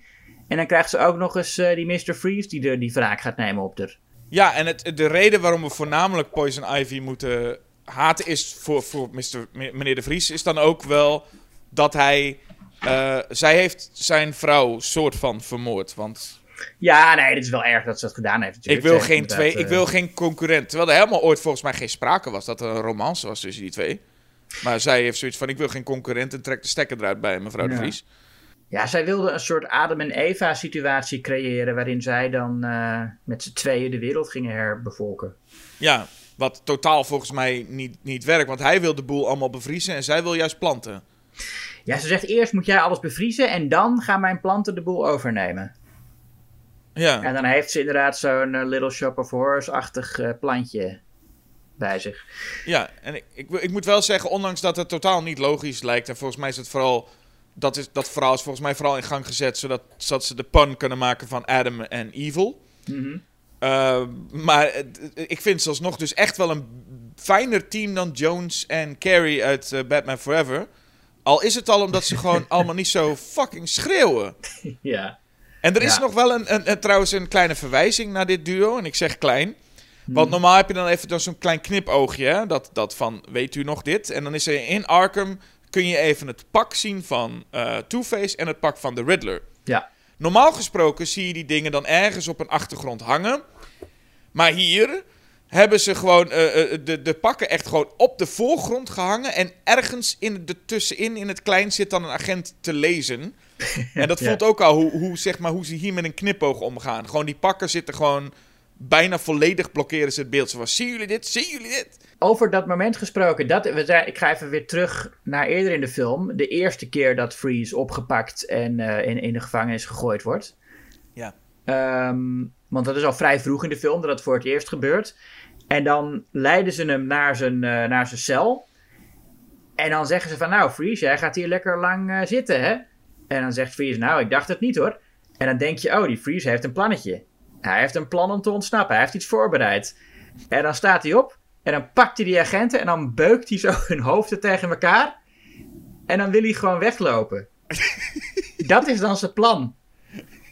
Je ziet hem echt heel snood zitten van... Nou, ik weet al hoe ik ga ontsnappen. Ik weet precies wat ik ga doen. En dan is het, is het dat. En dan lukt het ook niet eens. Want hij moet natuurlijk in, in de kou blijven. Ja, dat is wel fijn dat hij meteen ontdekt... Oh, dit werkt, oh, dit werkt eigenlijk niet. Dat is echt een stom plan geweest. Ja. Want dat is ook, hij wordt daar vrij snel eh, gevangen genomen. Je ziet hem dan ook lachen. En dan is dat is zo ongelooflijk cartoony, zoals deze film ook is. Dan lacht hij en dan zegt hij op een gegeven moment: Oh oh. En dan is er een hele. eh, eh, dan zie je eigenlijk nog een bam. En dan een hele kort shot zie je Batman die zijn cape over hem heen heeft. En dan zo zijn cape wegdoet. En dan ligt hij daar op de grond. Met Batman die er zo boven staat. Dan denk je: Wat een gek, wat een gek. Ja, dit is, dit is echt terug naar Adam West, dit, dit soort Ja. Momenten. Moeten we misschien nog eventjes het eh, tragische eh, liefdesverhaal bespreken van eh, Batman en, en zijn vriendin in, de, in het begin van deze film? Hij heeft een vrouw, hij, heeft, hij date iemand. Oh ja. Ja, bijna elke, elke, elke film heeft Batman volgens mij wel iemand een relatie met iemand, geloof ik, in elke film tot dusver. Ja, en hier is het ja, wel echt de meest saaie. En zij bestaat volgens mij eigenlijk ook alleen maar om eh, nog eens de homo-subtekst te benadrukken. Want hij zegt, zij, zij moet hem eigenlijk min of meer ten huwelijk vragen. En dan zegt hij, well, I'm not the marrying kind. En dan zegt ze van, I know, you're a bachelor. En dan zegt Batman van, well, there are things uh, about me you wouldn't understand. En uh, ja, ik, ik zie dat ook wel als Schumacher die echt flink in de, in de homo-subtekst leunt. Wat natuurlijk ook echt een belangrijk onderdeel is van Batman. Want er wordt vaak lacherig over gedaan. Maar um, in 1954 had je het boek Seduction of the Innocent van Frederick Wertham, een, een psychiater. En die had, er was een heel boek over hoe slecht strips waren voor kinderen. En over hoe de jeugd allemaal beschadigd zou raken door het geweld in stripverhalen. Maar ook specifiek noemde hij dat Batman en Robin, dat dat uh, homoseksualiteit acceptabel zou maken voor kinderen. En dat boek is echt van enorme uh, invloed geweest op de uh, stripindustrie in Amerika. Er werd heel veel censuur toegepast en daarna mochten bepaalde strips niet meer. Tales from the Crypt uh, bijvoorbeeld moest, ja, moest helemaal gecensureerd worden. En ook de Batman-strips zijn toen ontzettend veranderd van, qua toon. Um, dus die, die homoseksualiteit, dat is wel echt een hoe je het ook went of keert, een belangrijk onderdeel van de geschiedenis van Batman. En ik vind het ook wel fijn dat Schumacher daar echt heel bewust iets mee doet. Nou, we kunnen wel toch eerlijk zijn in dat geen enkel kind sowieso dit eruit haalt. Zo, dat, dat lijkt mij sterk. Nee, nou ja, weet ik niet. Misschien een kind van, van tien dat zelf uh, homoseksuele gevoelens heeft. Of begint dat dat... Te, te ontwikkelen. Ja, want ik heb ergens het gevoel dat, of, of, het, of het zal aan mij liggen, maar het is gewoon ergens het gevoel dat ik in dit hele universum het ook wel gewoon begrijp. Dat, dat Batman een hulpje heeft dat hij er komt wonen, uh, snap ik ook wel. Dat, dat die subteksten, ja, je, wat mij betreft nog steeds moet je wel redelijk diep gaan, wil je dit eruit halen, denk ik. Ook al legt uh, Schumacher zelfs op bepaalde manieren er wel iets dik bovenop, maar het feit dat Batman en Robin een stelletje zouden kunnen zijn. Dat, dat, dat, dat zit behoorlijk verborgen, vind ik nog wel. Ja, vind je verborgen? Ja, nee, ik vind van ja, hij begint al met, met close-ups van hun kont en hun kruis. Ja, maar dat, doet hij bij, dat doet hij bij Batgirl daarna ook. Ja, oké, maar dat is, ja, nee, tuurlijk. Ja, ik bedoel, alles is gewoon een beetje flamboyant. Het is gewoon, alles is met een soort van. Uh, uh, uh, nou, camp. Ja. Ja, maar dat, maar dat is ook queer. Dat wordt ook daarmee geassocieerd. Ik, de, ik denk wel dat als je, als je 10, 11, 12 bent eh, in, in de jaren 90 en je bent een, een jongen waarbij net eh, de, homoseksualiteit begint te ontluiken, dat je wel geïnspireerd kunt zijn door deze film, laat ik het zo zeggen. Ja, maar misschien zou het dan meer in, in, in toon zitten en sfeer en in oh, ja, alles, ja, ja, tuurlijk, tuurlijk, tuurlijk. hoe alles neergezet is. Maar ik, ik gewoon heel, als je gewoon echt vraagt, is Batman en Robin zijn dat een stel. Ik denk dat dat, dat dat. Dan moet je wel wat dieper kijken. Wil je dat er mogelijk in gaan zien? Ja, nee, in de tekst is dat niet zo natuurlijk. Nee, en dat wij, want je had het net over dan schijnbaar Julie Madison. Dat is het personage uh, gespeeld door Elle McPherson. Uh, wat Batman's vriendin is. En ik moet mhm. zeggen, ik heb deze film een paar dagen geleden gezien. Ik ben haar volledig vergeten. Ja, nee, ik, ik, ik vergat er ook. Toen ik, ik bedoel, toen ik uh, na de eerste scène vergat ik dat ze. En bij, bij de tweede scène waar ze in verschijnt, dacht ik, oh ja, die is er ook nog. Dus je vergeet er zodra ze uit beeld is. Maar dat is ook. Uh, dat, is, dat is het punt. ja, maar het is zo, kijk, zij is dan ook weliswaar misschien niet te memorabel. Het heeft ook deels te maken met het feit dat alle andere personages even de buiten beschouwing gelaten of ze goed of slecht zijn. Hmm. Uh, alle personages zijn enorm memorabel. Van, van, van Bane tot die, die, die dokter waar, uh, waar, waar Poison Ivy mee, uh, mee omgaat. Tot, tot, tot, nou ja, Poison Ivy zelf. Het zijn allemaal wel memorabele figuren. En daarnaast heb je nog Alfred en Commissioner Gordon, die verder niet heel veel toedoet. Maar dat zijn dan weer types die we al vier films gezien hebben. Ja, en, uh, en, en Gotham City zelf is heel memorabel natuurlijk. Dit, is grotendeels door maquettes vormgegeven, maar die, die, die, die flats en die snelwegen die je daar ziet. Uh, Schumacher filmt het een beetje zoals eh, Frits Lang in Metropolis ook. Dat je niet de straten filmt en ook niet uh, de bovenkant, maar gewoon de flats in het midden. Zodat je ook helemaal niet weet waar die flats beginnen en eindigen. Dat het een soort eh, gevoel heeft dat het eh, enorm groot kan zijn. En dat eh, eh, is wel heel fijn en mooi. Ik, wat ik jammer vind, is dat je minder vaak gewoon de straat van Gotham ziet. En dat het niet echt voelt als een stad waar mensen wonen. Nee, maar ik heb toch het gevoel dat ondanks dat de toon wel erg verschilt, ik heb nog steeds, eh, los van de twee personages die ik net noemde, die al vier films meegaan, het gevoel dat dit precies dezelfde Gotham kan zijn als eh, wat Burton heeft neergezet. Oh ja? Nee, dat vind ik niet. Ik vind Burton's Gotham, zeker in, in, in Batman Returns, veel geleefder. Daar kan ik me echt voorstellen dat mensen daar over straat lopen en naar restaurants gaan en naar hun werk gaan en zo. En dat zie ik niet gebeuren in, in Schumacher's Gotham. Ja, ik vind ze alle, alle vier de films hebben gewoon over het algemeen een Gotham dat meer als een set voelt. In ieder geval ja, gewoon nee, echt zeker. een, Ja. een, een, een bedachte Gotham. Maar dat komt natuurlijk ook, en daar zullen we zo meteen instappen, in de wereld waarin Gotham een echte, gewone, normale stad wordt. Mhm. Ehm, wat mij nog even opvalt, je had het net over die arc van, van eh, Freeze. Mhm. Er is ook nog een kleine arc van Robin. Want, oké, eh, laten we het toch even afronden. Alfred leeft nog, hoera. Ja. En eh, bij Robin is het dus schijnbaar een heel dingetje met Batman. Van, ik wil alleen en ik wil, ik wil niet de hele tijd onder jou eh, eh, zijn. Dat is wat Robin dan eigenlijk zegt. Want het lijkt nog een beetje zo'n rebelse tiener. Hoewel die gast volgens mij nu ook rond, eh, midden in de dertig is, lijkt het. Maar op een gegeven Ja. moment... Ja, dan ga ik weer naar mijn... mijn, mijn Robin is maar 40 jaar of zo. Nee, nee, Maar- maar, je hebt gelijk. Nee, het is belachelijk dat hij een puber is. Ja. Ja, maar hij, hij, hij, hij zegt de hele tijd van... eh, jij, jij redt me steeds. En dan zegt... Ba- aan het einde komt er dus een moment... dat Robin in gevaar is.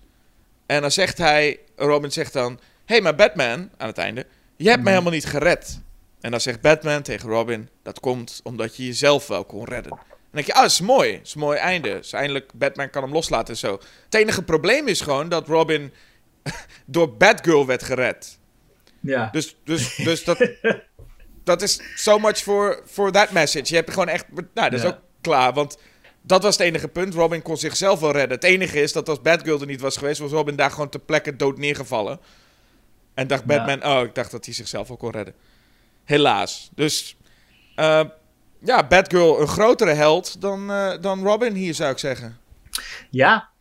Het is eigenlijk, ja, stel je voor dat deze film inderdaad een hit was geworden en we nog eh, vijf films met, met dit team hadden gekregen, weet je wel, met Batgirl er ook bij. Nou, in elke film lijkt er dan een nieuw iemand bij te komen. Want dat, dat, er is zo'n spotlight weer. En dan komen ze met z'n drie op de camera afrennen. En bij Batman Ja. Forever was het nog met z'n tweeën. Ik denk dat wordt een druk, drukke bedoeling als, hij, eh, Ja. als er nog meerdere films zouden komen. Ja, ja, maar goed, hoe meer, eh, dat is ook gewoon natuurlijk voor de, voor de actiefiguurtjes. Want dat is ook de reden dat ze opeens in de finale andere pakken aan hebben. En dat Batgirl ook inderdaad dan even, eventjes de oortjes opdoet en dan weer afdoet.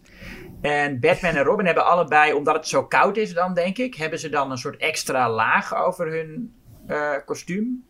Ja, en ze, Ehm. gaan, ze gaan nog even naar huis om ook allemaal een eigen voertuig te krijgen. Ja, ook dat. Maar dat, dat is allemaal puur omdat er speelgoed gemaakt moet worden van ook die verschillende pakjes. En dat je ook nog die Batman moet kopen. Dat je niet aan één Batman poppetje genoeg hebt. Nou, dat is natuurlijk niks. Dat is, dat is natuurlijk nu nog steeds het geval. Hmm. Eh, ik bedoel, ik, ik, ik kwam er laatst pas achter dat je na al die Marvel-films. Dat, dat je erachter komt dat er weet ik veel hoeveel, hoeveel van die Iron Man-pakken zijn. Van ik dacht, oh, ik dacht dat dat een beetje dezelfde was. Maar Oh ja. ze, ze vervangen dan één, één klein stukje en dan heb je weer een nieuw speelgoed. Ja, maar dat is ook de hele reden dat, dat Iron Man de eerste was. Hè? Ze hebben gewoon, eh, die, die, die, die Kevin Feige, die had dan de rechten op een, op, op een hoop Marvel figuren. En die heeft gewoon al die actiepoppetjes neergezet bij een focusgroep van kinderen. En gekeken waar die kinderen het meest mee speelden. En dat was Iron Man. En daarom is Iron Man de eerste Marvel film geworden. En volgens mij is, er is Poison Ivy refereert ook naar eh, eh, actiefiguren in, het, in, in de film. Ja, ze zegt every Poison Ivy action figure comes with Bane of zo. Ja, zoiets inderdaad. Dus wat dat betreft, ze verbergen het ook helemaal niet. Of het was ook, het was ook een stukje voor de reclame waarschijnlijk. Ja, en wat ik dan nog even kijken. We hebben het nog, helemaal- ah, we hebben nog helemaal niet over kostuums gesproken. De tepels niet genoemd, die altijd. eh, eh, eh, een van de dingen van deze film was. Oh, het is zo erg, want Batman's pak heeft tepels. Maar, zaten die niet in Forever? Ik Nou, dat dit is de film die er vooral onbekend staat. Ze zaten ook wel in. Ik, volgens mij zaten ze ook in Forever. Ja, ze zaten ook gewoon in Forever. Ja, Maar dit Maar is nee, de de- film die het meest erom bekend staat. Ja. ja. Ehm, ik vind het prima, moet ik zeggen. Ik vind het, het is, een, ja. het is een beetje zoals, zoals, zoals eh, oude marmeren standbeelden.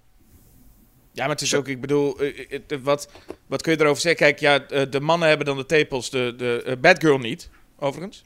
Nee. Ehm, maar de, de mannen hebben dan tepels. En ik denk het enige wat je kan zeggen is, ja, dat is niet eh, functioneel. Maar ja, als we daarover beginnen, dan zijn we nog wel eh, een tijdje bezig om te zien wat functioneel is. Ik bedoel, Batman loopt ook met van die oortjes. Daar, heeft, daar hoor je niemand over. Ja, precies. Ja. Ja. En een cape, wat nergens voor nodig is. Dus in principe denk ik bij die tepels ook van, nou ja, eh, waarom niet? ja, nee, dat vind ik ook. Ja. En het is dat er zoveel over gepraat wordt, maar het was mij waarschijnlijk echt niet eens opgevallen. Oh nee, het viel mij wel op. Maar het is, ik vind het gewoon iets, ja, ik vind het, ja. Nee, het is, het is gewoon geïdealiseerde vormen. Dat is wat Schumacher doet hier. Ja, ik vind het hen niet misstaan. Nee, dat zeg je goed. Ja. Wat ook niet misstaat trouwens, is al die Dutch angles. Hè? Ze, dat, dat, dat deden ze ook in de oorspronkelijke Batman, in de Adam West Batman-serie en, en film. Dat al de schurken heel vaak met, met een schuine hoek gefilmd worden. Ja, volgens mij was dat in deze tijd ook, eh, was dat ook nog eens hip. Ja, en dat heette Dutch Angles trouwens, omdat ze Deutsche verkeerd vertaald hebben. Helaas is het niet echt Nederlands, maar dat kwam gewoon van de Duitse eh, zwijgende film. Oh, Ja. dachten wij ook eens wat te hebben. ja, nee, niks ervan. Vervolgens is, is het afgelopen. En toen kreeg ik ineens... en Toen, toen ging ik echt terug in de tijd. Eh, toen ik ineens Gotham City hoorde van R. Kelly. Oh Toen ja. ik, oh jeetje. City of Justice. En dan denk je, dit, dit, dit nummer... Ja, ik, ik vind het eigenlijk wel een perfect nummer voor deze film ook. Want het is zo... Zo'n melig nummer dat ik denk... Ik, ik dacht dat we met eh, I Believe I Can Fly van Space Jam alles gehad hadden. Maar dit is nog, nog, nog, eens, nog een pakje erger zo erbij op. En ik vind, Ja. het, ik vind het heel fijn. Ik vond het heel fijn om te horen. I Believe I Can Fly vind ik een verschrikkelijk nummer trouwens. Dat, en dat is ook echt, als ik dat nummer hoor... Omdat ik, Space Jam was de eerste film die ik als kind zag... waarvan ik dacht... Oh, dus niet alle films zijn leuk. En dat nummer associeerde ik ook heel erg met die deprimerende realisatie... dat een film niet per se iets goeds is. Je, je kan naar een film gaan en dat het dan gewoon niet leuk is.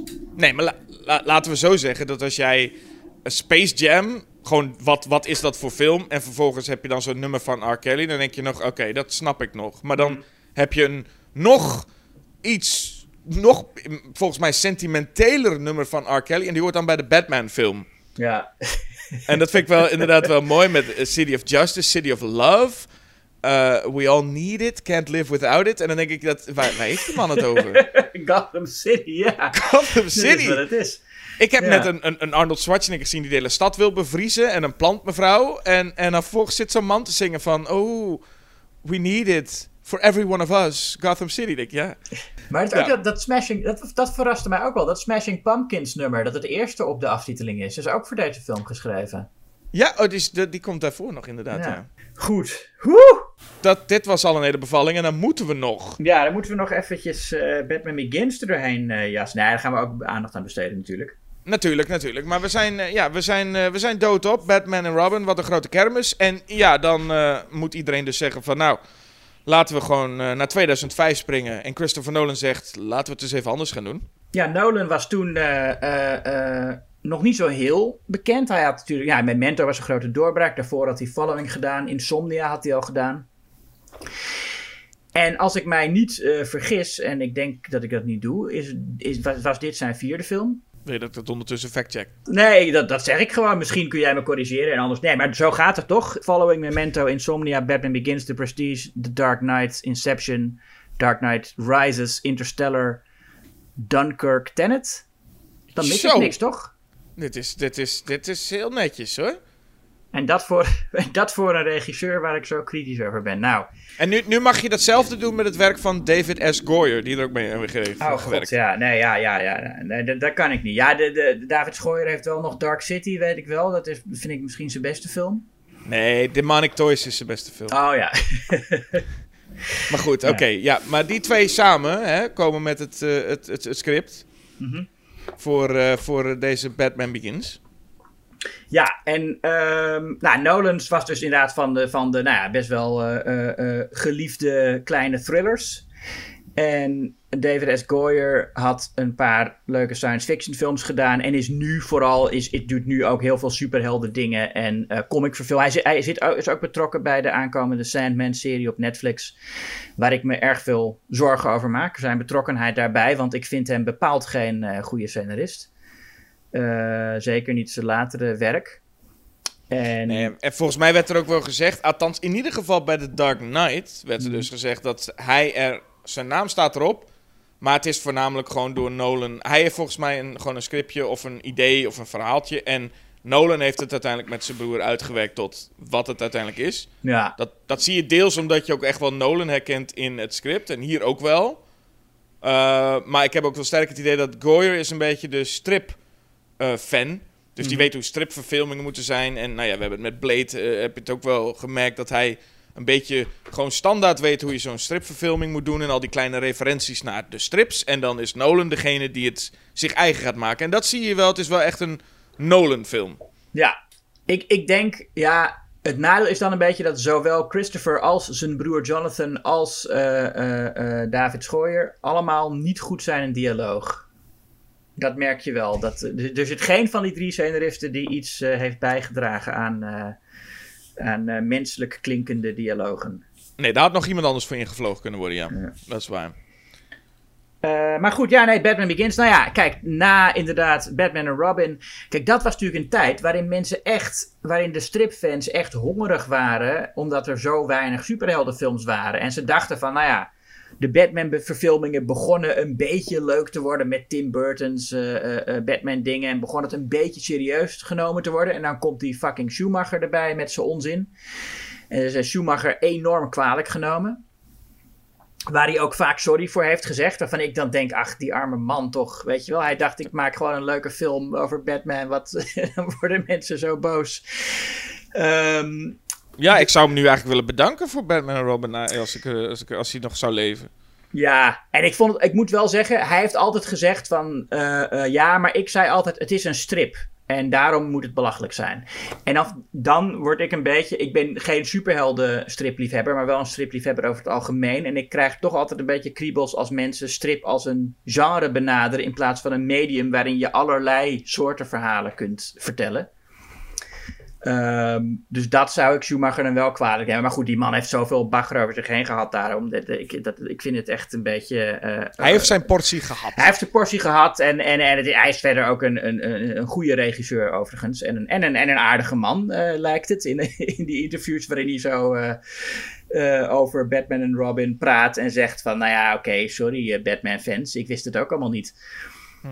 Uh, maar, uh, maar goed, hoe dan ook. Uh, nu, nu zijn Batman-fans natuurlijk... Nu, nu hebben we echt alle soorten Batman-media. Van, van Snyder's uh, Batman tot Mask of the Phantasm... wat veel fans de beste vinden, animatiefilm... tot de Lego Batman, tot The Batman. Batman-fans hebben niks te klagen wat films betreft. Maar toen was dat wel anders, Jasper. En toen oh, oh, kwam... Ja. toen was Batman Begins echt een... Ja, en echt een, echt een, een enorme uh, hap frisse lucht. Hoe noem je dat? Frisse wind. Een frisse wind, hap, hap frisse wind. maar ik, wat ook natuurlijk wel handig is, is dat we hadden dus een film die Batman heette. Maar het scheelt dat Tim Burton ervoor koos om gewoon Batman meteen te vertellen als zijnde, hier is Batman al. Ja. Dus uh, de, de, het, een, een oorsprongsverhaal was er nog niet zozeer. Ja. En nou heb ik wel het gevoel, dat in deze film wordt er wel een oorsprongsverhaal. Maar ik heb wel, en dat komt misschien ook door de film daarna. Want er was, ik moet even, even denken of het nou, ik denk Batman v Superman was. Dat ik op een gegeven moment denk, nou dat, dat, dat, dat stel in dat steegje met die parelketting, dat ken ik nou wel hoor. Hmm. Dat voelt een beetje als oom Ben die voor de zoveelste keer doodgaat. En hier zit het ook in. Maar volgens mij was het, het zat wel in Batman van Tim Burton, een kleine flashback scène. Maar ja. verder hebben we dat verhaal nog niet echt gezien. Dus dit is wel.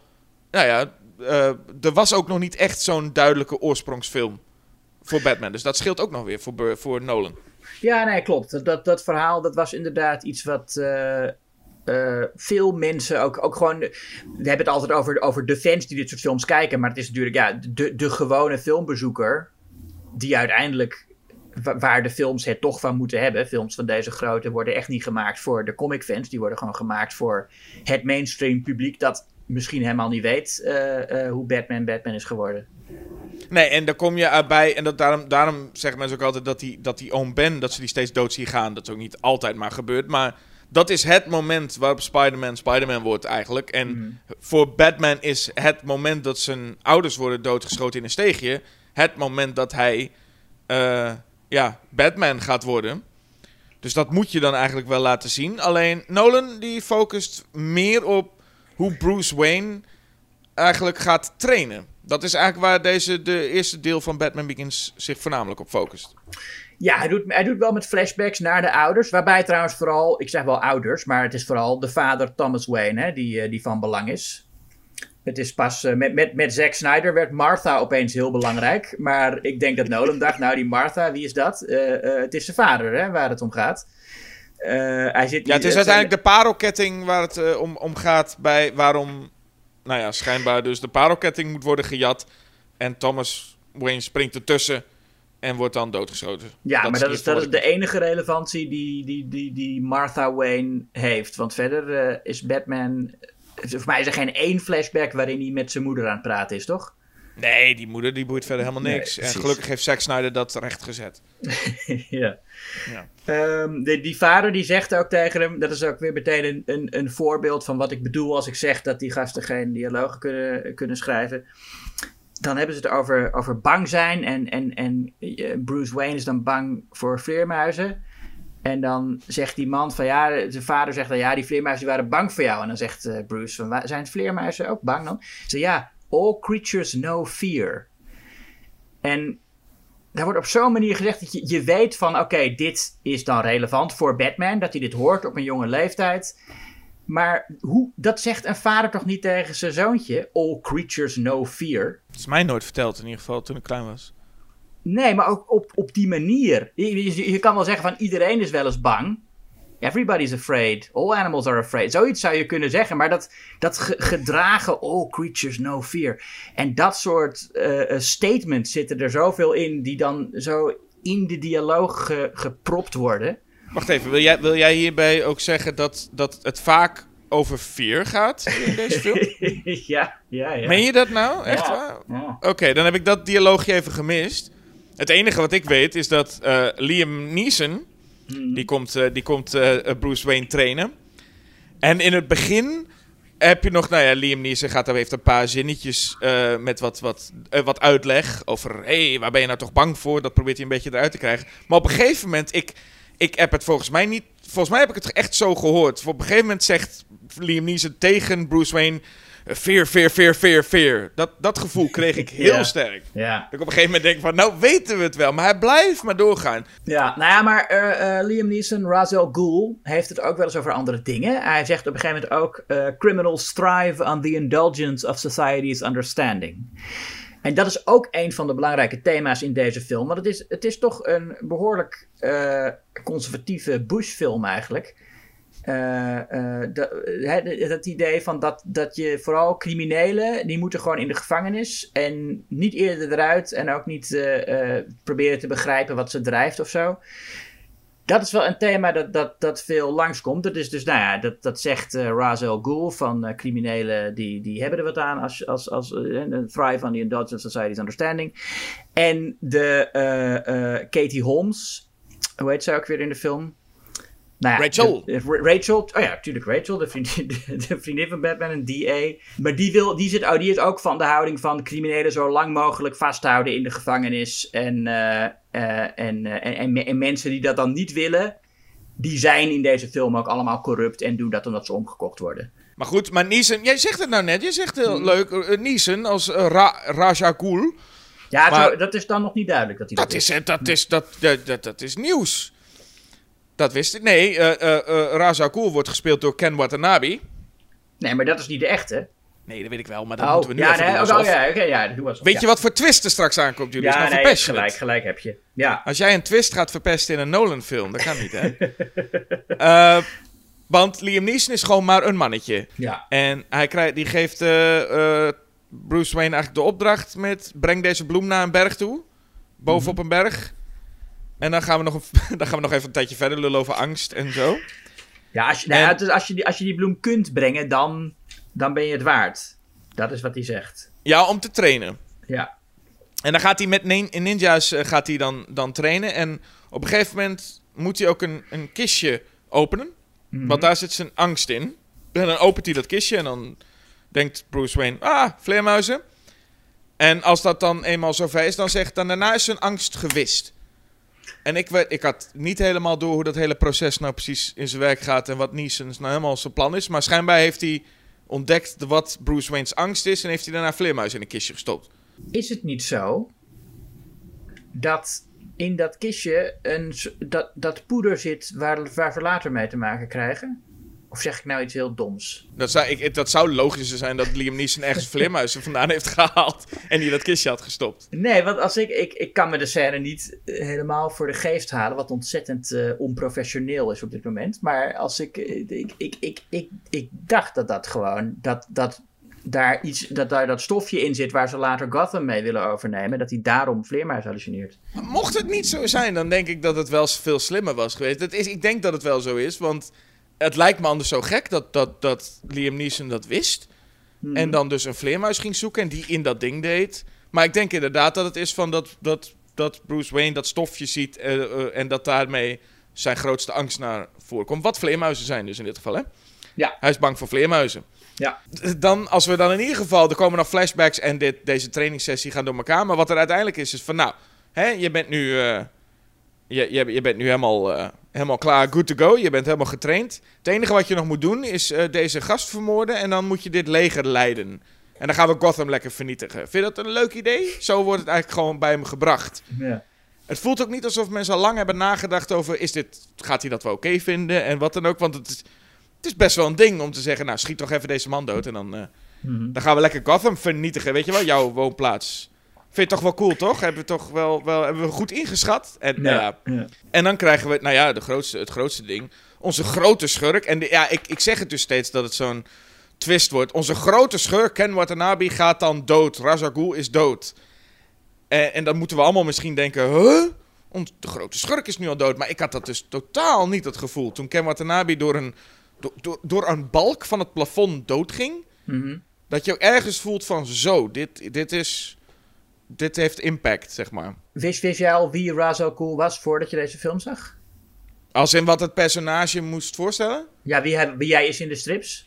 Nee, geen flauw Oké, idee. nee, de- nou, de, nou ja, dat is het ding. Dat voor de Batman-fans is Ra's al Ghul wel een van de bekendste schurken. En heeft ook een, een heel racistische geschiedenis natuurlijk. Is, was, was van oorsprong een echte racistische karikatuur van een personage. Dus toen hij in deze film zou gaan verschijnen, had iedereen zoiets van: oh, hoe gaan ze dat doen? En, eh, en, en toen hij doodging, was dat ook een ding. En dan blijkt uiteindelijk dat eh, ja, Liam Neeson, Ghul, de, de, de echte Ra's al Ghul, of de echte de, Ra's al Ghul in de strips is natuurlijk altijd een Aziatisch personage geweest. Eh, en als dan uiteindelijk de twist is dat het gewoon Liam Neeson is, ehm, dat is dan een beetje Nolan's manier om van dat racisme af te komen of zo. Ja, maar kijk, er is een, er is een, er is een twist. Dat Mhm. is namelijk, de twist is... Liam Neeson is Ra's al Ghul, toch? Ja. Dat is de twist. Ja, dat dat is, eigenlijk de twist. Alleen hoe de film nu opgebouwd is, is met... Er valt een balk op Ken Watanabe. Mhm. En, en Liam Neeson wordt dan echt nog gered. Uiteinde van die rit, denk ik, als kijker die Ra's al Ghul en zo allemaal niet kent... Denk, Liam Neeson komt nog terug. Je Ja, weet gewoon, ja. Liam Neeson komt nog terug. Dus stel Ja. dat nou Liam Neeson nooit meer terugkwam... en ineens stond Ken Watanabe daar... dan zou ik denken, wie is die man? Het is zeg maar, je, je, ook al weet je, eh, er wordt wel net gepraat over Ghul. En Mhm. eh, het gaat erom dat we doorhebben, Liam Neeson is hier de belangrijke figuur. Ja. En, Ja. en, en op het moment dat hij dan terugkomt, is volgens mij de enige twist is... Oh ja, die ene Ra's al Ghul wat we het erover hadden, ja, zo heet ik eigenlijk. Dat is, dat is de twist. Hij heet anders dan dat je dacht. Ja, nee, als je het personage niet kent, is inderdaad alleen de naam die, eh, die, die de twist is. Ja. Ja, en dus is een grote twist. Oh, ik heet eigenlijk geen Ducar. Ik heet eigenlijk Ghul. En dan denk je, oh, Ja. zo. Maar goed, dat is dus wat je hebt. Als je niet die kennis hebt, dan denk je gewoon... Nou ja, Ken Watanabe ging dood. En Liam Neeson, ja, lijkt me logisch dat hij nog terugkomt... met z'n als een gesprekjes over fear. En hij leeft aan het einde nog van die... eh, eh, eh, van, van als, als dat hele torentje opgeblazen wordt. Al die ninja's gaan trouwens dood, geloof ik, denk ik. Ja, Dus, of, eh, of, of, of zijn gewoon eh, verslagen zoals eh, Bruce Wayne dat doet. Ja. Die verslaat mensen. Ja, nou, ja, dat doet hij. de- ja, dat, de- hij. Als hij in gevecht is met mensen, en daar komen we later ook nog wel op, of niet, als ik het nu ga vertellen. Dat. eh, nou, Christopher Nolan heeft sowieso. Als mensen. hij- eh, eh, in, in vechtscènes, in actiescènes, heeft hij al heel snel, als iets buiten beeld is, dan moet je het als kijker vergeten zijn. Dus er zit een moment vrij laat in de film. Als eh, Wayne Manor in de fik gaat. En Ra's al Ghul is met Bruce Wayne aan het vechten. Of met Batman dan. En dan verschijnt er zo'n zo'n soort thug achter Batman. En die duwt hij dan zo in zijn gezicht of zo, heel snel. En dan gaat de camera weg en dan is die gast gewoon verdwenen. Dus van ja, je, hij is nu, je ziet hem niet meer, dus hij is er niet meer. Hij is verslagen, dus hij is ook gewoon weg uit de film. Dan kun je, dan kun je, dan kun je, dan kun je verdwijnen. Hij is gewoon weggeduwd, ja. En dat, en dat is zie je vaak in actiescènes van Nolan. Maar soms ook in dialoogscènes. En dat omdat je nu net over die Ra's al Ghul eh, eh, eh, terugkeer twist eh, begint. Is dat wel een mooi moment om even de scène te noemen. Als hij terugkeert. Nou ja, Ja. dan heb je dus, dan komt, eh, is, op een feestje van Bruce Wayne zijn ze. En dan komt Mrs. Delaney, die zegt tegen Bruce Wayne, eh, ik wil je even voorstellen aan iemand, namelijk Ra's al Ghul. En dan staat ze bij zo'n man en die man draait zich om en dat is ook een Aziatische man. En dan zegt Bruce Wayne, you're not Ra's al Ghul, I watched him die. En dan staat Liam Neeson achter zich. En Mrs. Delaney, die is dan buiten beeld. Dus die is nu verdwenen uit de film. Maar ik weet, zij staat daar nog gewoon. Dus zij heeft gewoon gezegd van... Hey Bruce, ken jij eh, eh, meneer uh, Ra's al Ghul? En Bruce zegt... Jij bent al Ghul niet. Ik heb al Ghul zien sterven. Dan sta je daar, sta je daar als Mrs. Delaney naast op een feestje. Ja. Stel je voor dat, dat, dat, dat jij op een feestje bent en iemand zegt... Hé hey, eh, Jasper, ken jij... Of nee, dat, dat jij tegen iemand zegt... Hey, eh, Julius, ken jij eh, Paul? En dat ik zeg, jij bent Paul niet. Ik heb Paul zien doodgaan. En dan sta je daar met, oké, iemand nog iets te drinken? Of, eh? Nee, maar, en wat, mij dus, wat ik dus ook bedacht is, oké, heeft, heeft Liam Neeson heeft waarschijnlijk dit ook een beetje in scène gezet, toch? Lijkt mij. Ja, Dus dat, ik, dat moest ik heel erg aan denken. Dat Liam Neeson zo, voordat Bruce Wayne daar daar aankomt, dat Liam Neeson zo tegen die Aziatische man zegt: hey, ik, ik heb een idee. Moet jij opletten. Wat we gaan doen. Jij gaat nu daar staan. Moet je met, rug- met je rug naar hem toe, hè? En, dan- en dan ga ik erachter staan. Oh, dan gaan we lachen, jongen. Dan, dan zeg je, hey, Ghul. Ja, dan kom ik. Nou, en dan komt... Dat, die, Liam Neeson ziet dus Bruce Wayne aankomen. Ziet Ja. dan hoe, hoe die Aziatische man hem omdraait en denkt... Haha, nu heb ik je. En dan ga ik erachter staan. Ik, zo, zo, zo leuk bedacht of zo van, ja. van Liam Neeson. Dan moet je eerst ja. nog heel die Mrs. Delaney dat vertellen van... Hé, hey, ik ben Ra's al Ghul. Wil jij... eh, moet je- Ja. hoe, hoe heet hij ook weer? Hoe heet hij? Bruce Wayne? Bruce Wayne, ja. Je Ja, die, ga eh, die, ga, ga die even halen. Ik ga me nu omdraaien. en dan ga ik me nu omdraaien en dan, en dan moet jij naar me naartoe komen. En dan denk ik, wat een, wat een, wat een plan. Wat een moeite voor zo'n plan. Voor zo'n verrassing met, haha, ik ben Ja. er nog. Ja. En dit is misschien ook, we gaan zo weer terug naar het begin. Maar het, het- dit is ook iets, hè, ehm, bij Batman en Robin allemaal gekke dingen. En daar kunnen we ook allemaal door midden zagen. Maar het punt is dat je, deze film vraagt daar natuurlijk ook om. Want deze film wil meer serieus genomen worden. ja. En dan vallen bepaalde dingen je ook meer op. Als, dan ga je dus ook een beetje, ik, ja, je kunt zeggen realistisch of geloofwaardig. Maar als je dat meer wil, dan gaan dingen ook opvallen. En dan kom je er ook wel een beetje achter hoe dom zo'n film soms ook kan zijn. Ja, nee, dat is inderdaad het probleem met al Nolan's Batman-films. En eh, ja, dat, hij, hij wil dan alles inderdaad geloofwaardig maken. En zo kan het dat de Batcave bestaat. En zo komt hij aan die Batmobile. En sommige Ja. van die dingen werken wel. Eh, eh, dat de Batmobile gewoon een, een, een, zo'n legervoertuig. En, en, en, en het Batpak ook gewoon een, een pak is dat voor het leger ontworpen is. Maar dan te duur was voor het leger. Zeker, zeker. Dat- Oké, dat kan, dat kan. Maar de andere dingen komen ook eh, onder een vergrootglas te liggen. En, en ja, dat is dan ook het gevolg natuurlijk. En als je Ja. dan nog wel gewoon rare, domme dingen erin... Laat ik een heel stom voorbeeldje nemen. Ik neem even een heel klein stom voorbeeldje, wat ik in ieder geval, op wat mij opviel.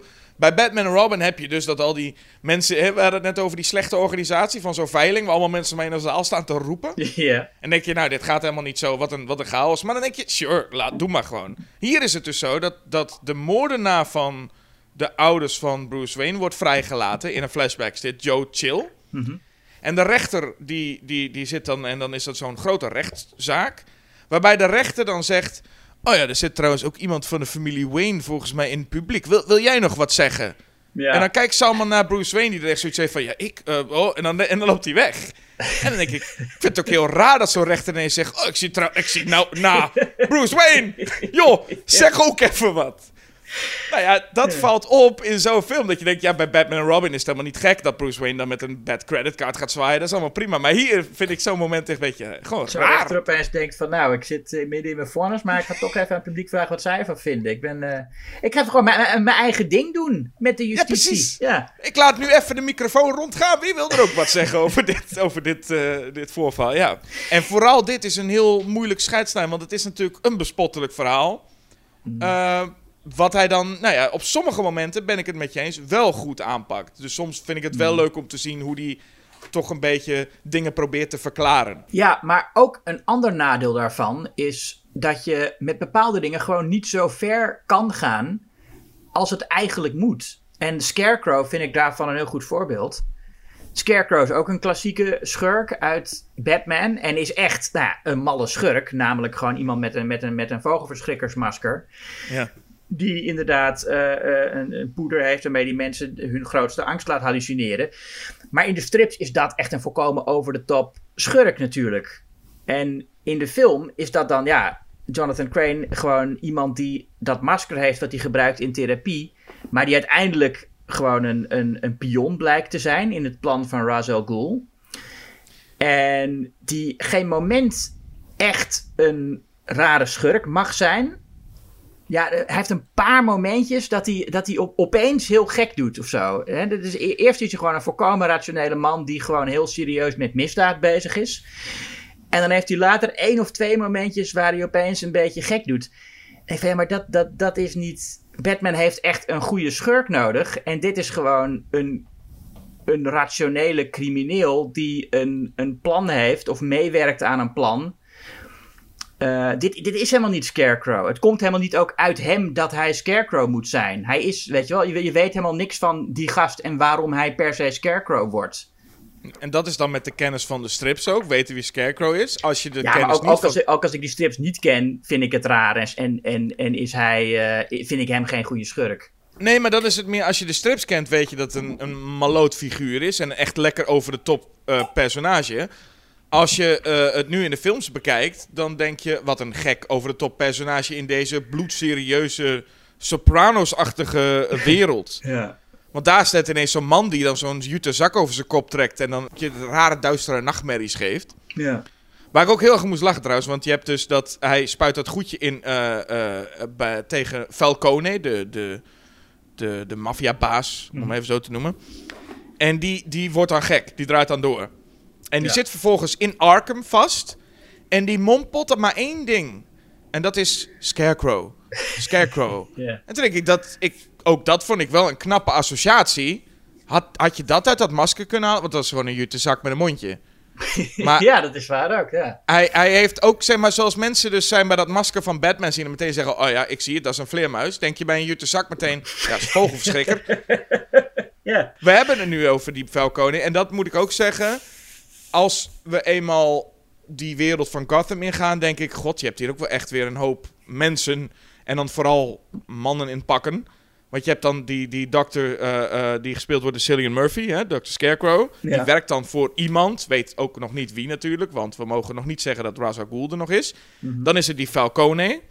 Maar ondertussen wordt Wayne Enterprises gerund door Mr. Earl, Rutger Hauer. En wij moeten zelf dan natuurlijk nog, ja, eh, Alfred hebben we nog. En Morgan Freeman komt er nog bij. Dan hebben we het nog niet over alle bijfiguren, want we hebben Jim Gordon nog, we hebben andere agenten nog. Het, het- Ja. het- er, er komt veel op je af op de, als we Gotham ingaan. ja. En ik vind dat Morgan Freeman krijgt een beetje de, de luchtigere teksten. En dat valt, vind ik, ook wel even fijn in deze. En ik, je merkt ook gewoon, hij is ook gewoon Q. Hij, is gewoon, hij heeft die gadgets ook allemaal. Dat is ook wel geestig dat na, na deze film, volgens mij door het succes van deze film, heeft Bond ook een soortgelijke remake gekregen. Hè? Een soort re- reboot met, we gaan het Ja. ook allemaal wat... Ja, ook inderdaad geïnspireerd door dit. En, en heel erg door Jason Bourne trouwens ook, die, eh, die eh, eh, Bond-films, Casino Royale en, en daarna. Ja, maar je ziet de invloed van, van Q, van, van Bond ook wel echt hierin terug. Met dat Ja. Q, ze laat even, hè, hier komt Morgan Freeman. En je ziet ook gewoon als dit een hele lange serie zou zijn, elke keer gaan we even naar Morgan Freeman, wat heb je weer voor gadgets? En het leukste is wel daarin dus dat spelen met hoe die... Nou ja, het, het, het- eigenlijk vond ik dat nog wel het leukste. De geloofwaardigheid van... Oh ja, we moeten deze voorwerpen allemaal los bestellen. En dan moeten we wel heel veel oplagen doen, want anders valt het op. Dan denk ik van, oh ja, ik vind het wel grappig hoe ze daarmee omgaan. En niet ineens is er een pak. Ja, nee, dat, dat, dat is leuk. En het is ook leuk hoe die details. En, maar, en als, als, het, als het echt klopt. En dan ook op logische manier komt tot. eh, wat het uiteindelijk. Het, tot het beeld wat je kent uit de strips. Heeft iets bevredigends. Maar in sommige gevallen. Als het iets heel belachelijks is, zoals Scarecrow. dan gaat het zijn doel voorbij als je dat realistisch wil maken. Ja, dus één shot wat eigenlijk bij mij een soort van centraal staat voor dat hele gegeven, is dat er één klein shotje is dat Batman een microfoontje met antenne in die oortjes plaatst.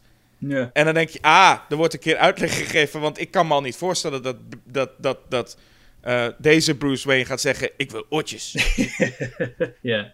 En dat is in dit geval, denk ik van, oké, we hebben even heel kort te zien waarom hij in dit geval oortjes heeft. Hoewel volgens mij het over het algemeen steeds naar vleermuizen wordt gerefereerd. Dus het schijnt toch wel een vleermuisvermomming te zijn, toch wel weer. Ja. Ja, en wat het, weet je trouwens, wat gek is? Deze Batman kan volgens mij gewoon vliegen. Er is een moment, en, dat, en het is, je, je zit dan, het is midden in de actiefinale. Op een gegeven moment dan springt hij van een dak af en dan spreidt hij zo een cape. En dan vliegt hij gewoon een eindje. En dan landt hij op het dak waar ook Ra's al Ghul en zijn, en zijn handlanger staan. Ja. En dan weet je ook helemaal hoe, hoe wist hij de weg, hoe wist hij waar ze daar waren en hoe lang heeft hij gevlogen. Maar hij heeft gewoon echt een heel eind gevlogen met die cape. Ja, dat is een beetje, je kent ongetwijfeld die beelden wel van die man die van de Eiffeltoren afsprong. Ja, Eh, en dat is een beetje waarschijnlijk dit, maar dan wel dat het goed gaat. Ja. Gewoon, schijnbaar als je een soort cape iets hebt en een soort van vleugels, dan kun je vliegen. ja, ik denk dat Nolan gewoon heel snel denkt dat als mensen in een actiescène zitten, dan accepteren ze alles. En dat is ook zo, vaak. Maar ik zit dan niet zo goed in Nolans actiescènes. In elk geval niet in deze film, want hij heeft hier nog niet echt de, die grootste stijl die hij in, in The Dark Knight had, is hier nog niet echt. Dit is een veel kleinere film qua eh, cinematografie ook. En hij, Nou- ik weet niet of hij al met, eh, met, met hoe heet die, eh, Wally Pfister is. Dat ga ik even opzoeken. Ja, wat laat me daar één schepje bovenop doen. Eh, en dat is eigenlijk aangegeven dat de gevechtscènes, de actiescènes in deze film zijn echt waardeloos. Ja. En het is, dat heeft niet zozeer met de, met de cinematografie te maken. Die inderdaad van Wally Pfister is, zie ik nu bij deze. Oh ja, nou ja, toch wel. Maar dat heeft niets met het cinematografie per se te maken, maar met de montage. Deze Ja. gevechtscènes zijn zo belabberd gemonteerd en er is een enorm groot verschil. Dus laten we dan meteen ook opzoeken wie deze gemonteerd heeft. Lee Smith. En dan gaan we ook kijken of hij ook de Dark Knight heeft gemonteerd. Eh, ja, ook. Nou ja, oké. dus dat, dat, ja, maar dan goed, heeft ze hij... zijn wel allemaal, ik denk, zowel Christopher Nolan als eh, Wally Pfister zijn beter geworden in het groots maken van beelden. Want deze film is, hij, hij, hij voelt nog niet echt als wat je nu van een Nolan film verwacht. En het heeft ook met budget te maken natuurlijk. Tuurlijk, maar het is echt als je de openingsscène met die, met, op dat, in dat gevangeniskamp waar ze gaan knokken. Maar zeker als hij met Liam Neeson op een gegeven moment in een trein aan het vechten is. Het is zodanig gemonteerd. Het is echt, nou ja, eh, eh, eh, shot, shot, shot, shot, shot. Zo is Ja. het gemonteerd. En nou ja, een van de eh, bekendere actiescènes uit eh The Dark Knight is die achtervolgingsscène door die straten. Met die, met die vrachtwagen die dan omkiept en zo. En als je daar de montage van ziet en je ziet de montage van actiescènes in, in, in Batman Begins, dan is het echt een wereld van verschil. Dus het is ook deze actie in, in deze film, vind ik ook wel tamelijk waardeloos. Ja, er zit geen één vechtscène in eigenlijk waarvan ik zeg dat is. eh, die staat me bij als bijzonder goed. De enige momenten die ik me kan herinneren is, nou, zoals wat ik net noemde, dat Batman iemand uit beeld duwt en dat hij dan uit de film verdwijnt. Het is wel grappig, jij noemde nou trouwens dat vliegen. Daar zitten hier dus ook, hè. Er zitten, er zitten dus volwassen mannen in deze film. Henchmen met pistolen. En dat is dus niet van die eh, goofy henchmen zoals we ze in, in Schumacher-filmachtige films zouden zien. Maar hier zitten volwassen mannen met geweren. Die dan wel een beetje bang zijn voor Batman. En dan praten ze met elkaar.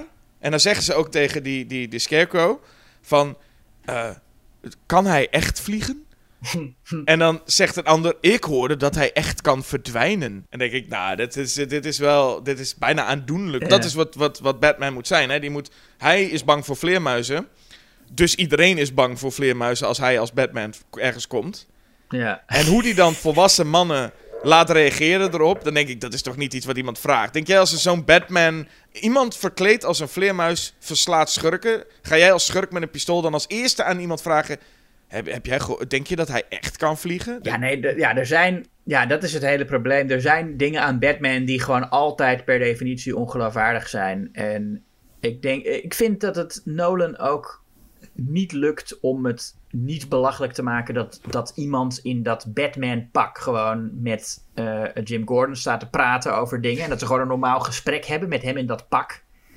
Ja, Ja, maar, dit- dat- maar ik bedoel, je kunt het wel geloofwaardig maken dat mensen bang voor hem zijn. Dan meer van, nou, het zal wel een enorme psychopaat zijn als je zo verkleedt en mensen in elkaar rost. Dan Ja. ben je niet helemaal goed in je hoofd. Dan, dat zou nog wel eng kunnen zijn. Maar dan ga je toch niet als eerste denken aan... Oh, ik vind vleermuis eigenlijk wel eng. En, en ik, ik, Nee, oh, nee, nee, nee. Dat, dat, dat moet niet eng zijn. Maar ik bedoel, ik denk als, als er in Nederland een miljonair opstaat... die in een, verkleed in een pak mensen in elkaar gaat rossen... dan zou ik ook denken, dat vind ik wel een enge gedachte. Ja, tuurlijk. Maar dat Ja. heeft niks te maken met als die man vervolgens als tijger verkleed is. Dat ik denk, oeh, tijgers. Zijn wel eng met die scherpe klauwen. Dat denk je dat toch niet? Dan denk je gewoon, nou, die man die spoort niet. Ik heb geen idee, die zal me ook wel neer kunnen steken. Ik weet niet of die man toerekeningsvatbaar is. Dat idee. Ja, ja precies. Ja. Maar goed, het, het, en, het, en nog enger... Ja, goed. De, hier is ook vaak over gepraat. Het zijn een beetje de bad nipples van deze film. En dat is de stem van Christian Bale als Batman. Ja, hier nog niet eh, zo erg als in Dark Knight en Dark Knight Rises, vind ik. Hij heeft volgens mij iets minder tekst, heb ik dan het gevoel. Maar de stem is wel net zo, net zo, Ja? net zo heftig, ik heb idee dat hij later nog heftiger is gegaan ermee. Maar nou ja, dat is inderdaad ook iets belachelijks. En ja, dat Ja. pak en die stem. En ook, maar ook de mond. Gewoon dat hij altijd een beetje zijn mond open houdt of zo. Het ziet er gewoon zo dommig uit. Ja, het is ook omdat hij af en toe buiten adem is. Dus dan zie je Ja. ook met die stem en dan buiten adem zijn. En dan, nou ja, en dan, ja dat, dat, dat gaat allemaal niet echt goed samen hoor, dit. En dan zeggen mensen van ja, maar hij moet zijn stem verdraaien, want anders eh, herkennen mensen hem daaraan. Ik denk, ja, moet je nou eens luisteren. De helft van de onderkant van zijn gezicht is gewoon te zien. Rachel, die, ja, die, die, die herkent meteen dat het Bruce is. Ik bedoel, dat in, in die film niet, maar in het echt zou ze meteen zien dat het. Zou ze denken: hé hey Bruce, waarom heb je een raar masker op? Je herkent Ja. iemand toch wel als je, als je gewoon de mond en de kin en alles. Dat is toch. Het is, niet, het is niet heel veel raarder dan dat Lois Lane niet ziet dat Clark Kent Superman is hoor. Nee, en volgens mij is het ook zo dat, dat de helft van Gotham, althans dat laat Katie Holmes eh, Bruce Wayne ook zien. De helft van Gotham bestaat volgens mij uit arme eh, mensen. Ja. En volgens mij kunnen we er al redelijk vanuit gaan. Oh, Gotham kent vooral één hele rijke miljonair. Nou, dan moet je ook ergens nog wel niet heel veel detective werk doen. Wil je een beetje in ieder geval die beste miljonair of biljonair verdenken. Ja. Nee, dat verbergen van die stem. Ja, ik blijf het zeggen. Ik denk dat ik het ook al eerder gezegd heb. Ik vind dus echt dat ze met Ben Affleck's Batman dat eigenlijk best wel goed hebben opgelost. Want hij heeft overal gadgets voor. Mhm. Eh, eh, waarom is het dan zo gek om een gadget te hebben voor iets van een stemvervormer? Ja, nee, dat is prima. Nou ja, ik snap dat ze dat nu gedaan hebben, want dit, dit kan echt niet, deze, deze, Dit kan deze echt niet. stem. Je Nee, noemde net dat Katie Holmes hem eh, Gotham laat zien. Daar wil ik het dan even over. Is een mooi, mooi bruggetje. mooi bruggetje. Ehm, nou, ten eerste wil ik zeggen dat ik vind... Ja, Nolan's Gotham in alle drie de films is... ehm, kijk, Burton had zijn eigen Gotham, Schumacher had zijn eigen Gotham... en Nolan zei, eh, nee, het is gewoon, eh, gewoon Chicago of zo. Ja. Eh, dat vind ik al, dat vind ik een, een, een jammere keuze. Ik snap dat je het realistischer wil doen, maar je kan wel enige creativiteit leggen in hoe, hoe Gotham City eruit ziet. En dat doet Nolan eigenlijk alleen bij die achterbuurten. Die achterbuurten hebben nog wel iets van eh, een, een comic book-achtige eh, achterbuurtsfeer of zo. Dat is ook wel mooi. Ehm, maar verder is het, is het ja, heel erg eh, eh, eh, gewoon zoals Chicago is. En dan heb je die scène inderdaad waar Katie Holmes, dan zit ze met Bruce in de auto te praten over rechtvaardigheid. En dan zegt zij van, heeft ook weer zo'n zo'n zo'n zin die je niet in het echt zegt van justice is about harmony. Revenge is about making yourself feel better. It's why we have an impartial system. En dan gaat Bruce, die, die, zit dan, die gaat er niet mee akkoord. En dan opeens doet ze ook, dan, dan draait ze de auto, levensgevaarlijk, gaat ze zo opeens, slaat ze zo een andere wijk in, toch? Ja, klopt. En dan is het nog overdag. Dit is ook een typisch Nolan ding, hè? Dat hij opeens, eh, dat het soms dag en nacht wordt bij hem op momenten dat je denkt, eh, was het net niet nog dag en nu is het best nacht. Het is overdag rijden ze daar, dan slaat ze die wijk in en dan is het donker. En dan gaat Bruce even uit de auto om even na te denken over wat er allemaal gezegd is. En dan is het schemering. En dan gaat hij een café in dan is hij na een paar minuten en als hij naar buiten komt is het weer nacht. Ja, dat is hoe. eh, hoe ja, dat, dat, dat, dat- ik, ik, ik weet dus niet. Ja, Nolan denkt dan inderdaad, als je goed in de scène zit, valt dat niet op. En dat is misschien ook zo. Maar ik, ik zit dan dus gewoon niet zo goed in zijn scènes, omdat ik me zit te ergeren aan de dialogen van de personages en de. eh, en, en, en, en de manier waarop alles uitgelegd wordt. De thema's van de film zo uitgespeld worden. Dat ze inderdaad, ja, dat ze dat laat zien van, god, hier is die achterbuurt. En je vader, Thomas Wayne, die heeft het allemaal goed gedaan. En dat is ook een, een vind ik, een, een, een, een stom thema in de film.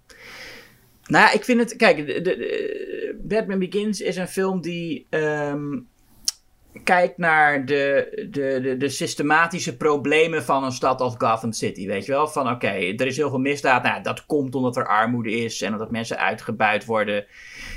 En dat zit er allemaal in. En, maar dan uiteindelijk is, wa- is de oplossing is goede miljardairs en goede politieagenten.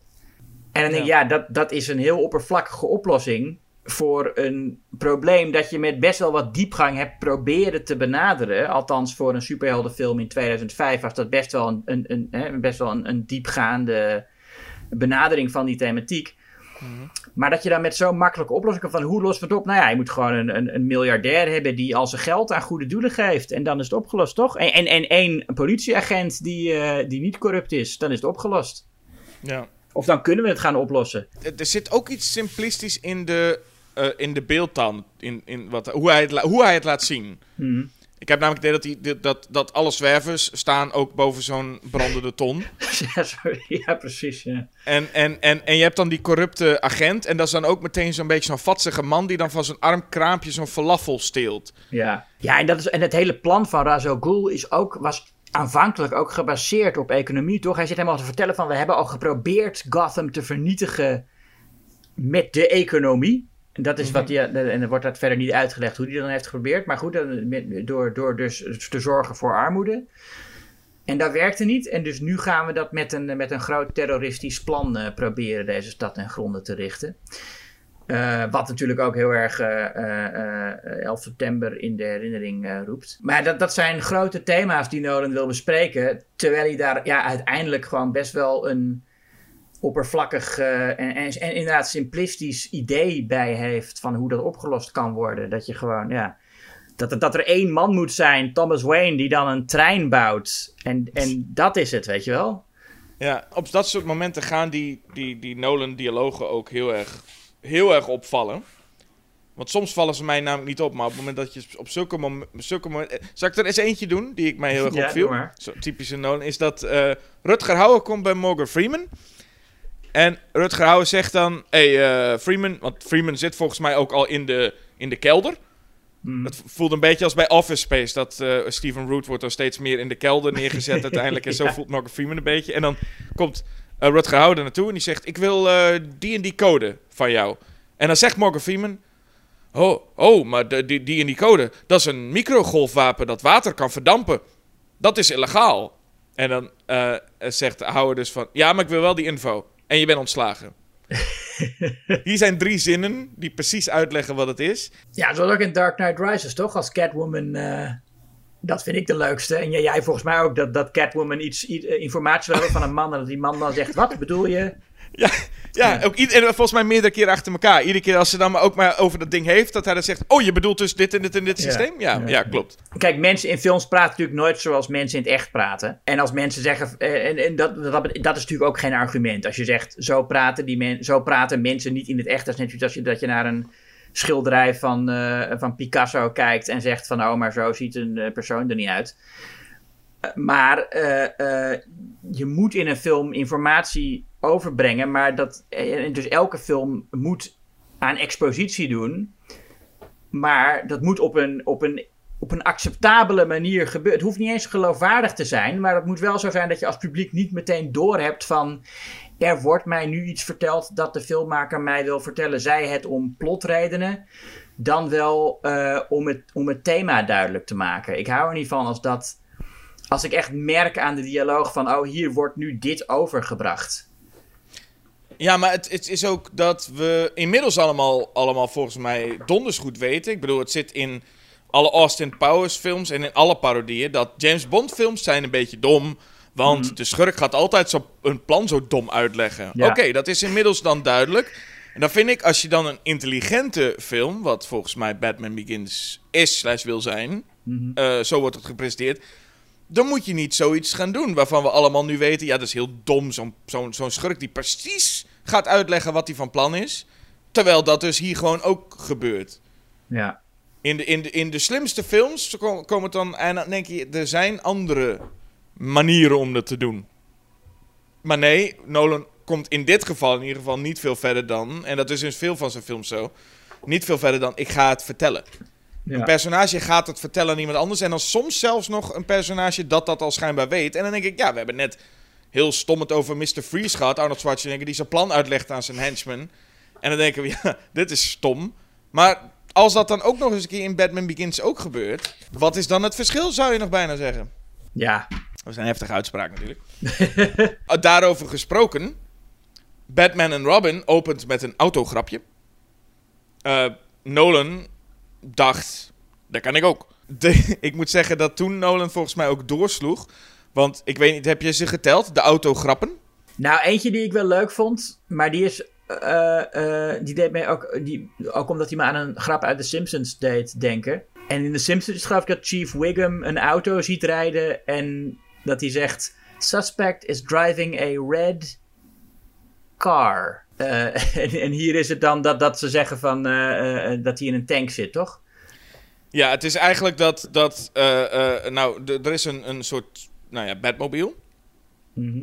En, of het is gewoon de Batmobile. En daar rijdt, daar rijdt Batman mee weg. En dan begint, hoe heet dat, Gary Oldman.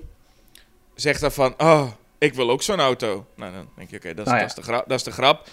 Daarna komt inderdaad dat allemaal, dan komt er een achtervolging. En dan heb je eerst nog een, inderdaad zo'n zo'n agent die dan begint te roepen van... Ja, het is een zwarte eh, tank. Zoiets, dat weet ik niet omschrijven. Vervolgens rijdt hij langs een beveiliger. Die beveiliger kijkt dan eerst in zijn koffie. Zo van, hè? Wat heb ik gedronken? Oh, dat ja. ik nu ineens een tank voorbij zie komen. En daarna komt er nog een ander iemand die op de radio tegen een agent zegt van... Beschrijf het voertuig. En dan zegt hij, ah, laat maar. Dan denk ik, ja, dit is gewoon vier keer dezelfde grap. Ja. Want het is zo bizar om een tank te zien. Ja, vooral die gast die in zijn koffie kijkt, dat is inderdaad, dat vind ik zo'n stom cliché. Dat mensen iets raars zien en dat ze dan, huh, heb ik zoveel gedronken?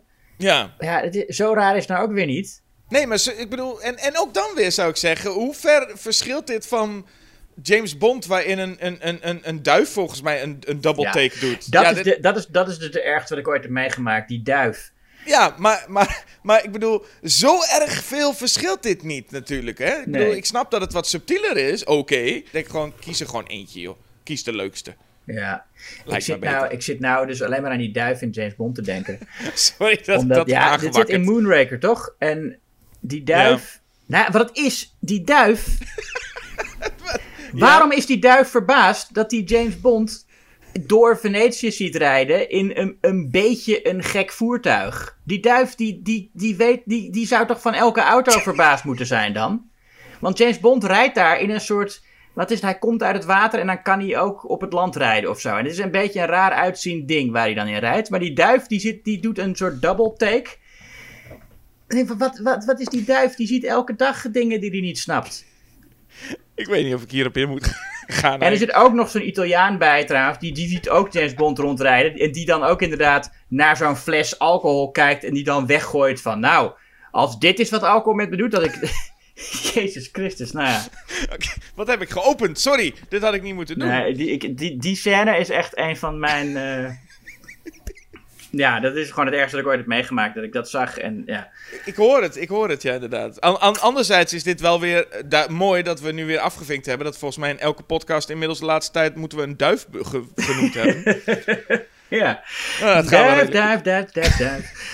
Goed, Ehm, eh, we gaan door met... Er eh, zit een moment dat Batman over zijn identiteit. We gaan even over de identiteit van Batman en Bruce Wayne. En dan zegt hij ehm, als Batman: It's not who I am underneath.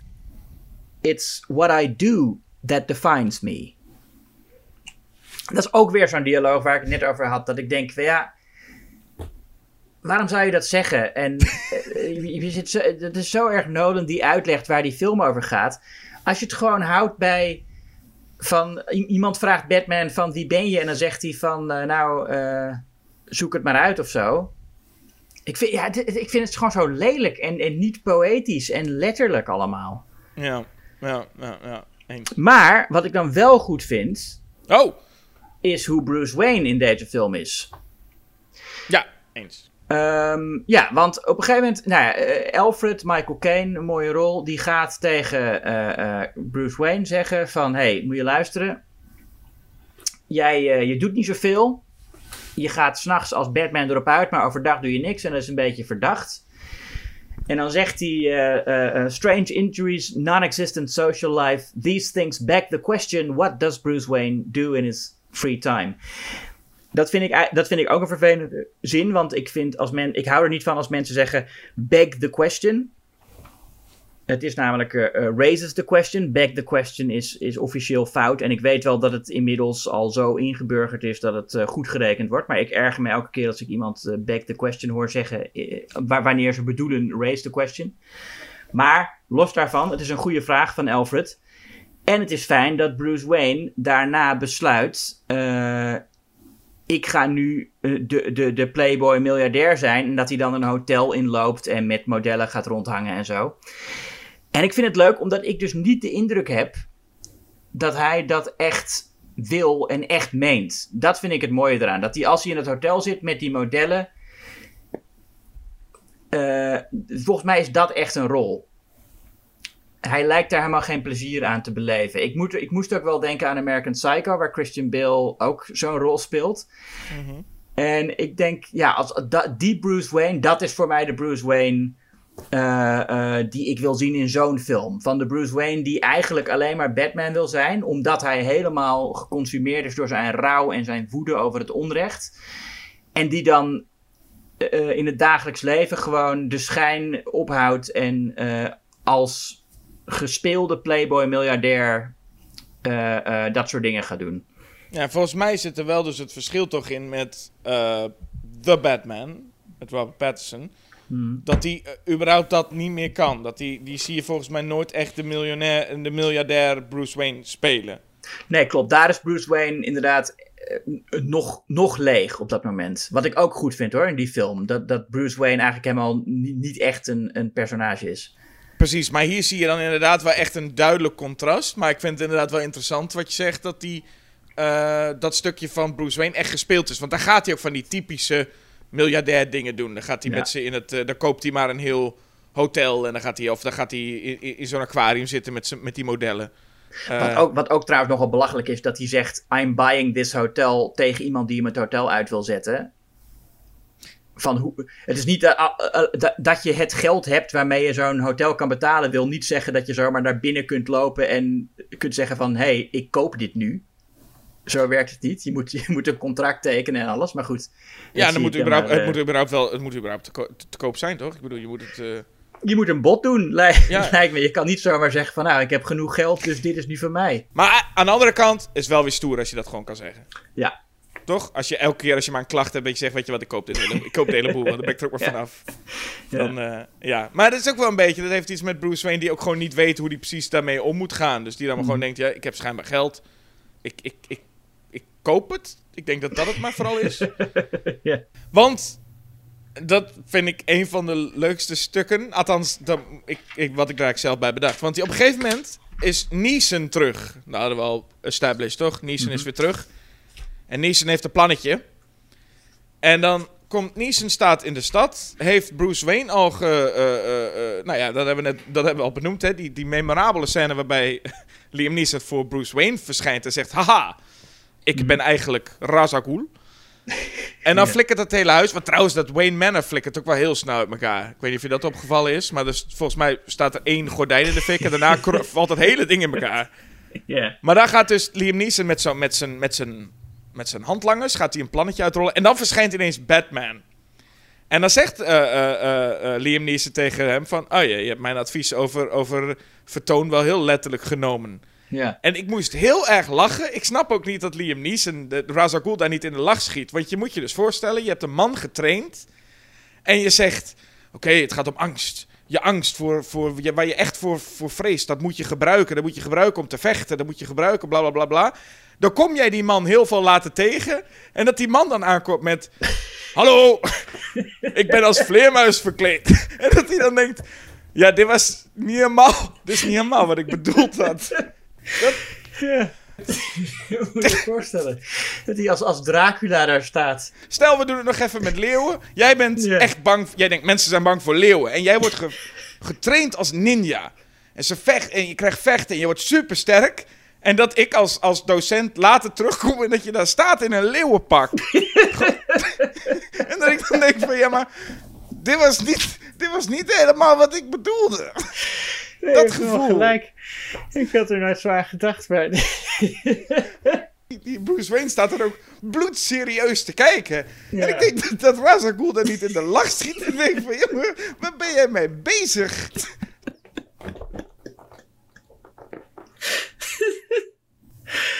Ik dacht dat op zich. eh, dat het alle humor uit het concept van. eh, man verkleedt zich als vleermuis. dat dat wel gebeurd was. Maar het, het blijft gewoon grappig. Ja, het, het blijft zeker. En, maar vooral dus door die zodanige diepe eh, beginscène waar die training is. Dat je echt voelt van Liam Neeson steekt hij echt aandacht en tijd in deze Bruce Wayne. en dan, dan zien we wat, daar wat het resultaat ervan is. Ja. Nou ja, ik vind dat Liam Neeson zich nog goed heeft gehouden wat dat betreft. Ja. En- Goed, en dan moet je daar dus ook nog eens mee, een potje mee gaan knokken. ja. met deze man. En er zit één shot ook in dat Batman in die trein springt en hem dan heel boos aankijkt. En net iets te lang zie je Batman boos kijken. Ja, en daar ook. Ik kan me gewoon niet voorstellen dat je dit ziet en denkt: wat een cool personage. Wat, het, het, heeft echt iets heel ergs bespottelijks. Ja. Nee, ja, nee dat is, ja, ik, ik, kwam er, ik kwam er dus ook nooit overheen, inderdaad, dat daar gewoon iemand in dat pak staat te praten met Jim Gordon en met, eh, en met, eh, en met Rachel en zo. En ehm, ja, nee, in die scène, ja, ja kijk, als, als, hij, als hij vecht, dan kan ik er nog wel overheen komen. Dat is gewoon een actiescène. Maar het is voor mij vooral de dialoogscènes waar ik het niet accepteer. Nee, en en eigenlijk nog het meest misschien in dialoogscènes van anderen. Dus als andere mensen ook met elkaar praten hij staat daar maar. Dus dat, dat als hij ook niet aan het woord is, maar hij gewoon op zijn beurt wacht. Dat is gewoon nog stommer. Ja, met zijn cape. Ja. ja. die cape om. En, en wat ook een, een, een soort, nou ja, een ding is wat ik zag bij Batman v Superman deed dat. En de nieuwe The Batman deed het ook. Ze willen toch Batman een beetje iets angstigs. Of iets beangstigends geven. Mhm. En dat doen ze vaak door Batman in een soort hoekje in, op het plafond of aan de muur te laten hangen. En dat hebben ze bij Batman v Superman gedaan. En nu ook in, in, in The Batman zit ook zo'n scène dat hij volgens mij in de lift of zo ergens hangt. En ik snap gewoon nog steeds niet, dat willen ze dus niet dat het heel angstig is. Maar ik vind, het is nog steeds een man in een vleermuispak die daarboven hangt. Ja. En het ziet er niet uit. En ik begrijp niet wanneer mensen dat dan gaan inzien. Ik bedoel, Adam West was volgens mij een van de weinigen die het snapte. En ik vind George Clooney met zijn tepels, ja, Ja. dat prima. Ja, nee, maar goed, dat is in een andere wereld natuurlijk. Bij Ja. West moet het grappig zijn. En bij George Clooney en, en Val Kilmer zit je gewoon in die cartoonwereld. En bij eh, Michael Keaton trouwens ook. Waar het duidelijk artificieel is. Ja. Maar als je dat in de echte wereld doet, dan is het ja, dan wordt het net zoals. Ik bedoel, ik luister eh, ook een, een, een, andere podcast, Jasper. Oh, Of een andere, ik luister niet naar deze podcast. Maar ik luister naar de, eh, de podcast Battleship Pretension. En daarin zei een van de presentatoren ook dat hij, hij gaat dan graag naar Comic Cons. Eh, waar mensen veel aan cosplayen doen. En hij is fan van de Riddler. Maar hij wil zich nooit verkleden als de Riddler. Want hij zegt van ja, wat als ik dan bijvoorbeeld... Dan sta ik in de rij en dan dringt iemand voor. En dan moet ik met diegene dan een soort eh, conflict zoeken. Maar dan ben ik verkleed als de Riddler. dat, en hij is dus gewoon vanwege die mogelijke situatie wil hij zich niet verkleden. En dat vind ik zo herkenbaar. En dat, dat denk ik ook aan bij, ja, Batman inderdaad. Dan sta je daar verkleed als Batman, ja. Nee, dat snap ik sowieso. Als je daar inderdaad verkleed bent, je wil gewoon... Er moet eigenlijk gewoon niks gebeuren wat in het dagelijks leven ook kan gebeuren. Ja, precies. Dan is het oké. Want anders sta je daar als... ik helemaal voor me, dat in de Riddler... dan sta je daar met iemand te praten over... Hé, hey, eh, ik was eerst. ja. ja, ik snap het helemaal. Ja, maar goed. Ja. eh, eh, nou, eh, ja, goed. We hadden het net over Batman in de trein. Ja. En dat is hoe hij uiteindelijk afrekent met Ra's al Ghul. En hij heeft eerder gezegd van, nou, ik, ik ga niet mensen doodmaken. Maar laten we eerlijk zijn, hij maakt Ra's al Ghul gewoon dood, toch? Ik bedoel, het plan is namelijk, Jim Gordon gaat die metro doen crashen. Of die metro, gewoon die trein. Ja. Hij gaat dat ding kapot maken. Ra's al Ghul zit in die trein. Die trein die gaat crashen en Batman gaat hem niet redden. Nou ja, dan is Batman de, is, is deel van het plan. En Batman zorgt voor de omstandigheden waarin Ra's al Ghul doodgaat. Het is niet, en, dan, zegt hij van ja, ik ga je niet vermoorden, maar ik hoef je ook niet te redden. eh, loophole. Maar dat is, Ja, net, dat- dat is toch net zoiets dat je zegt van nou, oh nee, ik heb hem niet vermoord. eh, eh, het mes heeft hem vermoord. Precies, ja. Ik wou net zeggen, dat is inderdaad de kogel was het. Ja, dat Ja. Is, dit, dit, dit, dit, is gewoon, dit is gewoon moord. Ja. En ik, ik weet eigenlijk niet zo goed, we zullen het er ongetwijfeld over gehad hebben, maar ik weet nooit zo goed waarom dat nou zo erg is. Ja, Schijnbaar is dat een code. bedacht. Dat is ook niet in de allereerste Batman strips is dat niet zo. In de allereerste Batman strips vermoordt hij gewoon elke crimineel die die eh, te, te grazen neemt.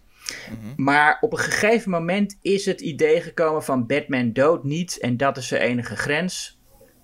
En ja, en het ding is, in die, in, in, die, in die realistische films werkt dat gewoon niet als je op zo'n manier met mensen omgaat. Hè? Ik bedoel, ook, ook in de nieuwe The Batman. Je kan er helemaal niet zeker van zijn dat je niemand doodmaakt als je mensen zo hard in elkaar slaat en van, en, en, en van de hoogtes afflikkert en zo. Ja, de- natuurlijk gaan er dan mensen dood. Trouwens, in The Batman veroorzaakt Batman ook nog eens in een achtervolging met de Penguin een gigantisch eh, auto-ongeluk waarbij sowieso mensen dood zijn. En dan kun je nog zeggen, ja, maar het is dan de schuld van de Penguin. Maar daar was Batman ook gewoon hartstikke bij betrokken. Dus daar heeft hij ook eh, eh, doden op zijn geweten. Ja, en wat we dus steeds vergeten, wat altijd ook gezegd moet worden, is... Heel veel van die mensen zijn misschien niet dood... Maar zij hebben wel zodanige klap gehad dat ze ongetwijfeld eh, eh, eh, daar echt wel hersenletsel over hebben gehouden. Ja, maar het zijn ook de omstandigheden. In The Batman is ook zo'n ding aan het einde van die film. Dan zijn ze op, op een, een klimt die zo op een paar balken op een hoge hoogte, weet je wel. En dan zitten daar ook de handlangers van, van de Riddler, of, de, of de, ja, zeg maar zijn, zijn, zijn bende. en, en die zitten allemaal met kabels vast aan die balken. Dus hij duwt ze eraf, maar dan hangen ze daar nog. Maar ja, als ze niet met die ze- het, had net zo goed gekund dat ze niet met kabels vast zaten. En wat had Batman dan gedaan? Dus de omstandigheden zijn altijd zo dat Batman niemand hoeft dood te maken. Maar ja, je, je kan daar gewoon niet zeker van zijn als je Batman wil zijn. Ehm, je, moet, je, ja, je, je kan gewoon nooit zeker zijn dat je niemand dood gaat maken. Ik vind het ook een stomme regel. Zeker in de realistische Batman-films eh, werkt, die, werkt die gewoon niet. Nee, en ik snap best als Batman daar op zo, ergens op een hoogte staat en hij duwt mensen, ook al is het niet nodig of ze geven zich over en hij blijft mensen maar afduwen, dan snap ik het nog. Of als hij bij wijze van spreken Ja. een mes pakt en, en, en twintig keer iemand neersteekt, dan snap ik dat je denkt, nou, nou, nou doe maar even rustig. ja. maar ik, ik vind inderdaad, als jij in een gevecht bent en je bent onschuldige mensen aan het proberen te redden en daardoor, ja, dan denk ik, wat is dit nou weer voor kulregel om te zeggen, oh, hij mag niet iemand doodmaken. Ik Ja, bedoel- nou ja, als het zelfverdediging is, is dat natuurlijk eh, net zoals in het echt. eh, ja, als, we- het is niet leuk, maar wat moet, dat moet. Ja, wat moet, dat moet inderdaad. Maar ja, goed, er wordt, er wordt best wel gek over gedaan over deze, eh, over deze regel inderdaad. Ja. En wat, ik, wat me ook altijd dwars zit bij een realistische Batman-film, is als je dit personage op een psychologisch realistische manier gaat benaderen, is de enige conclusie waar je toe komt dat het gewoon geen goed idee is om Batman te zijn. Dat is wat The Batman ook doet. Hè? Van, ja, hij is dan de Batman en hij komt er langzaam maar zeker achter. En ook natuurlijk vanwege de rol van de Riddler in die film. die, die dan eh, uiteindelijk... eh, ik weet niet of, of het is misschien een heel klein beetje een spoiler, maar... Nou ja, like het, de, de Riddler is in elk geval het gevolg van het bestaan van Batman. En dat je dan inderdaad ziet van, nou ja, Batman is uh, uh, niet zo'n goed idee om te zijn. Dus ja, dan, dan zou de conclusie moeten zijn, als je die film een happy end wil geven, van oké, dus hij stopt met Batman zijn. En als hij doorgaat met Batman zijn, dan is het een heel duister einde van oké, deze gast is helemaal doorgedraaid. En hij, hij snapt wel dat het niet goed is wat hij doet, maar hij, hij heeft een soort een ongezonde obsessie waardoor hij toch denkt van dit moet ik blijven doen. Wat ook prima is, maar dan heb je dus echt een, een naargeestig einde. Maar waar ze in de Batman dan voor kiezen is uiteindelijk toch een soort, om, omdat ze natuurlijk vervolgen moeten blijven maken, kiest die film toch voor, nee, uh, hij, hij gaat toch nog wat mensen redden. En uiteindelijk blijkt toch dat Batman toch nog goed is. Ondanks alles wat wij de hele film lang duidelijk hebben gemaakt, is het toch nog wel oké om Batman te zijn. En uh, nou ja, dat heb je in deze film dus ook. Dat, dat je krijgt heel vaak het van, oké, maar uh, Batman zijn is, is niet echt gezond voor, voor Bruce Wayne en ook niet echt voor Gotham volgens mij. Maar uiteindelijk omdat er nog vervolgen moeten komen, kan dat niet de boodschap blijven. Dus moet er uiteindelijk toch iets gebeuren waardoor blijkt dat Batman wel een goed idee is. Ja, je voelt ook wel dat ze in, in Batman Begins daar behoorlijk rap uiteindelijk naartoe willen werken. Hè? je, je merkt dat ze toch iets hebben neergezet. Van oké, we hebben allemaal dilemma's neergegooid. En, en, en Bruce Wayne zit overal mee. Maar we, ze wisten gewoon, we moeten aan het einde uiteindelijk ergens naartoe. Dat de situatie is zoals we het eigenlijk willen hebben. Hmm. En volgens mij bijna dat deze film naadloos zou kunnen aansluiten bij, nou, laat zeggen, de Batman van Burton. Zoals Burton's Batman begint. Gewoon, er is een Batman, er komt een schurk, Batman gaat de boel redden. Nou, toen, toen deze film uitkwam, waren er ook wel mensen die dachten dat het een prequel was op Burton's Batman. Wat niet, niet kan, want in Burton's Batman was het de Joker die Batman's ouders vermoord heeft. Ja. Dus dat klopt niet. Maar dat was, wel, dat was toen wel een gedachte die sommige mensen hadden, ja. Ja, nee, maar, maar, in principe is dat waar ze naartoe willen. Dus wat moet er gebeuren? En ja, het is een compleet, uh, uh, vind ik, een vrij echt zinloze rol. Maar Rutger Hauer wordt dus, komt dus op kantoor en is zijn baan kwijt. Mm En dat is dus wat er gebeurt. Wat ik sowieso een beetje raar vind. Hè? Dan is zo'n zo'n zo'n einde waarbij hij komt op kantoor en komt er dan achter dat hij vervangen is. Yeah. Ten eerste komt hij daar binnen. Zo zal het vast gaan in het echte wereld. Dat hij dan binnenkomt en dat hij denkt, huh? Morgan Freeman op mijn plek. Wat is hier? En al die andere mensen die aan die vergadertafel zitten, vinden het allemaal ook heel normaal. Ja. En hij vindt het dan heel vreemd. En wat doet hij dan? Dan belt hij maar Bruce Wayne.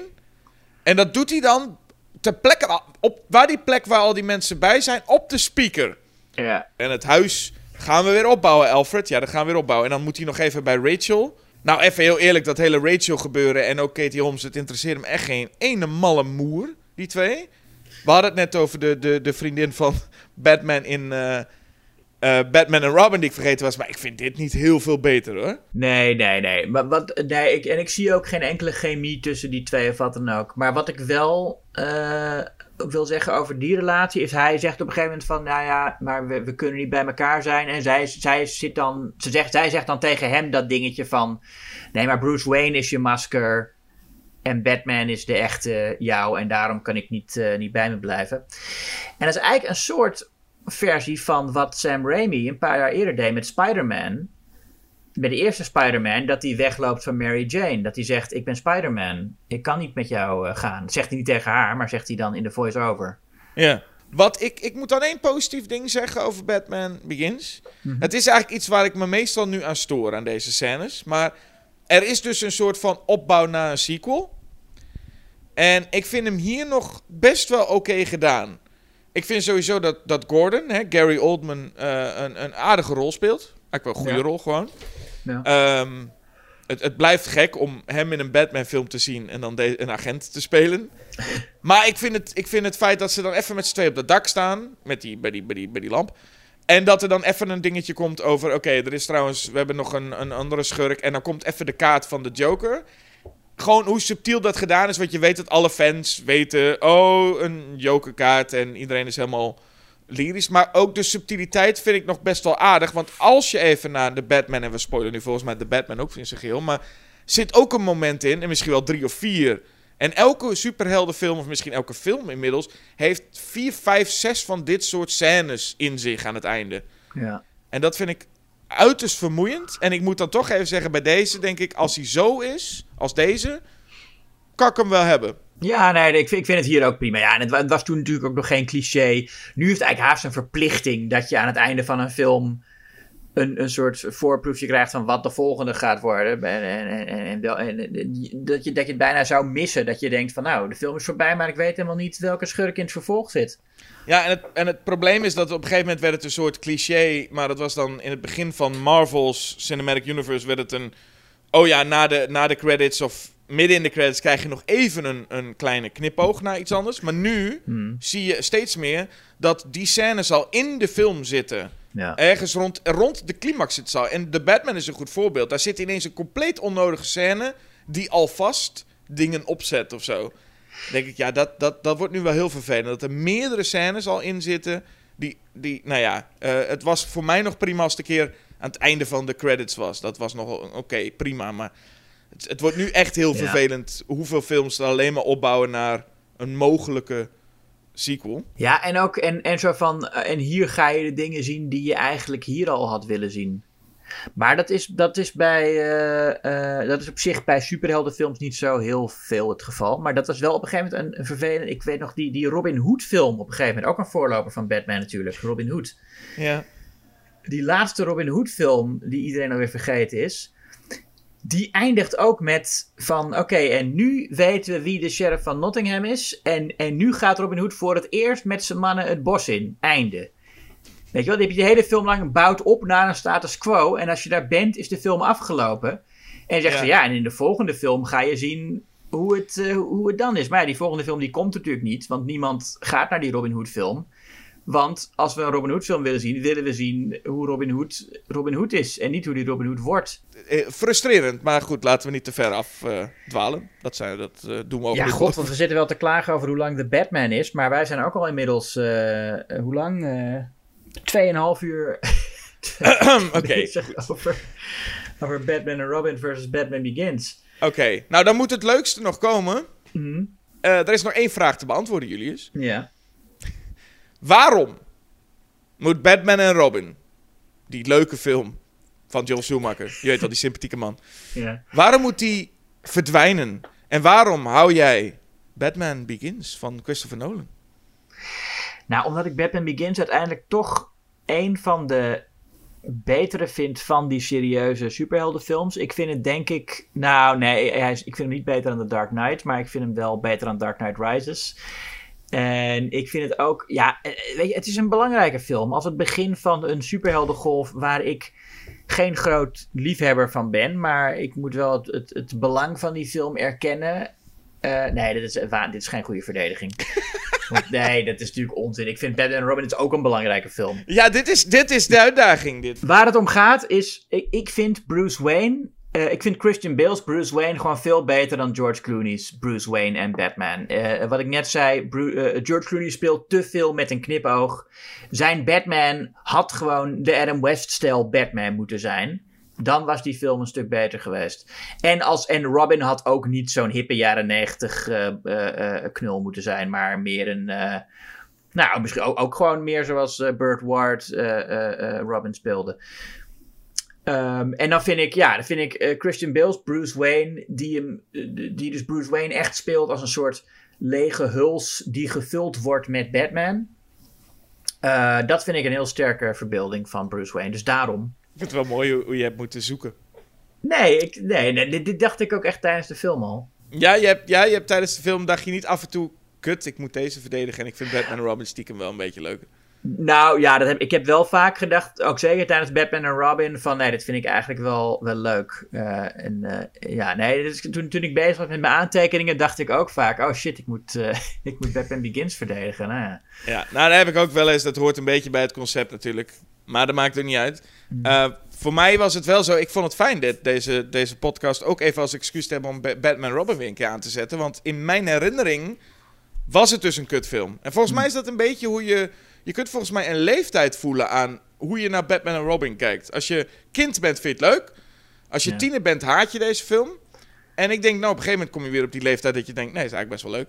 Ja. Dus ik, ik weet niet of er ooit nog een... Misschien komt er ook meteen wel weer een leeftijd, dan vind je weer kut. Ik heb geen idee. Nee, op een gegeven moment, je, je groeit over je schaamte heen. Ik denk dat met, met de reden dat tieners deze film kut vinden, is ook met, heeft heel veel met schaamte te maken. Van dit, dit mogen we niet leuk vinden. De- en zeker bij nerds die van Batman houden. Van hé, maar Batman is, is, is- moet duister zijn. Dit mogen we niet goed vinden. Ja, en ik, ik snap ook nog steeds wel waarom mensen dit... Ik bedoel, het is ook als tiener is het volgens mij ook niet stoer om dit leuk te vinden. Ik bedoel, het is niet stoer. Nee. Het is geen stoere, coole eh, Batman. Het is Batman met tepels en een rare Alicia Silverstone. Maar je moet volgens mij net even wat meer gezien hebben en... Misschien ook op een gegeven moment dat duistere geneuzel een keer zat zijn. Dat je denkt, ik heb, vind het eigenlijk wel leuk om, om, om Alicia Silverstone te horen zeggen van... Bruce, it's me, Barbara. ja, dan... nou goed, ik, eh, was er, ik werd er heel blij van.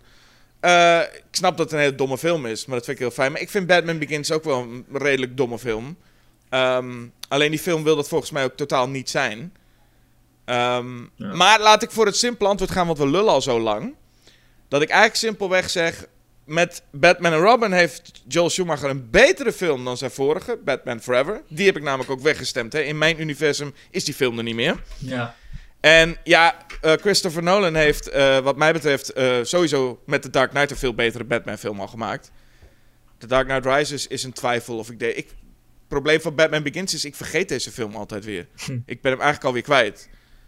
Dus ja, wat maakt het uit? Christopher Nolan kan het wel leiden. En ik wil Joel Schumacher heeft met Batman eens zoiets leuks gemaakt. Dat mag niet weg. Goed, goed. Oeh.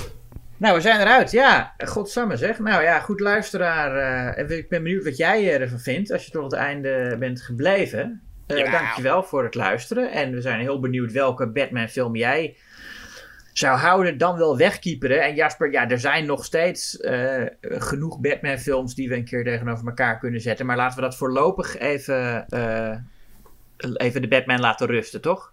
Ja, dan denk ik dat dat wel goed is. En sowieso merken we dat altijd als we het over Batman hebben, gaan de, worden de afleveringen wat langer. Ik bedoel, Batman Forever tegen The Dark Knight Rises was ook twee uur lang. Zo. En ik denk persoonlijk dat we het dan toch maar even, want onze horrorafleveringen zijn vaak wat korter. Zoals onze vorige aflevering, Deathline en Dead and Buried, was gewoon lekker een uurtje.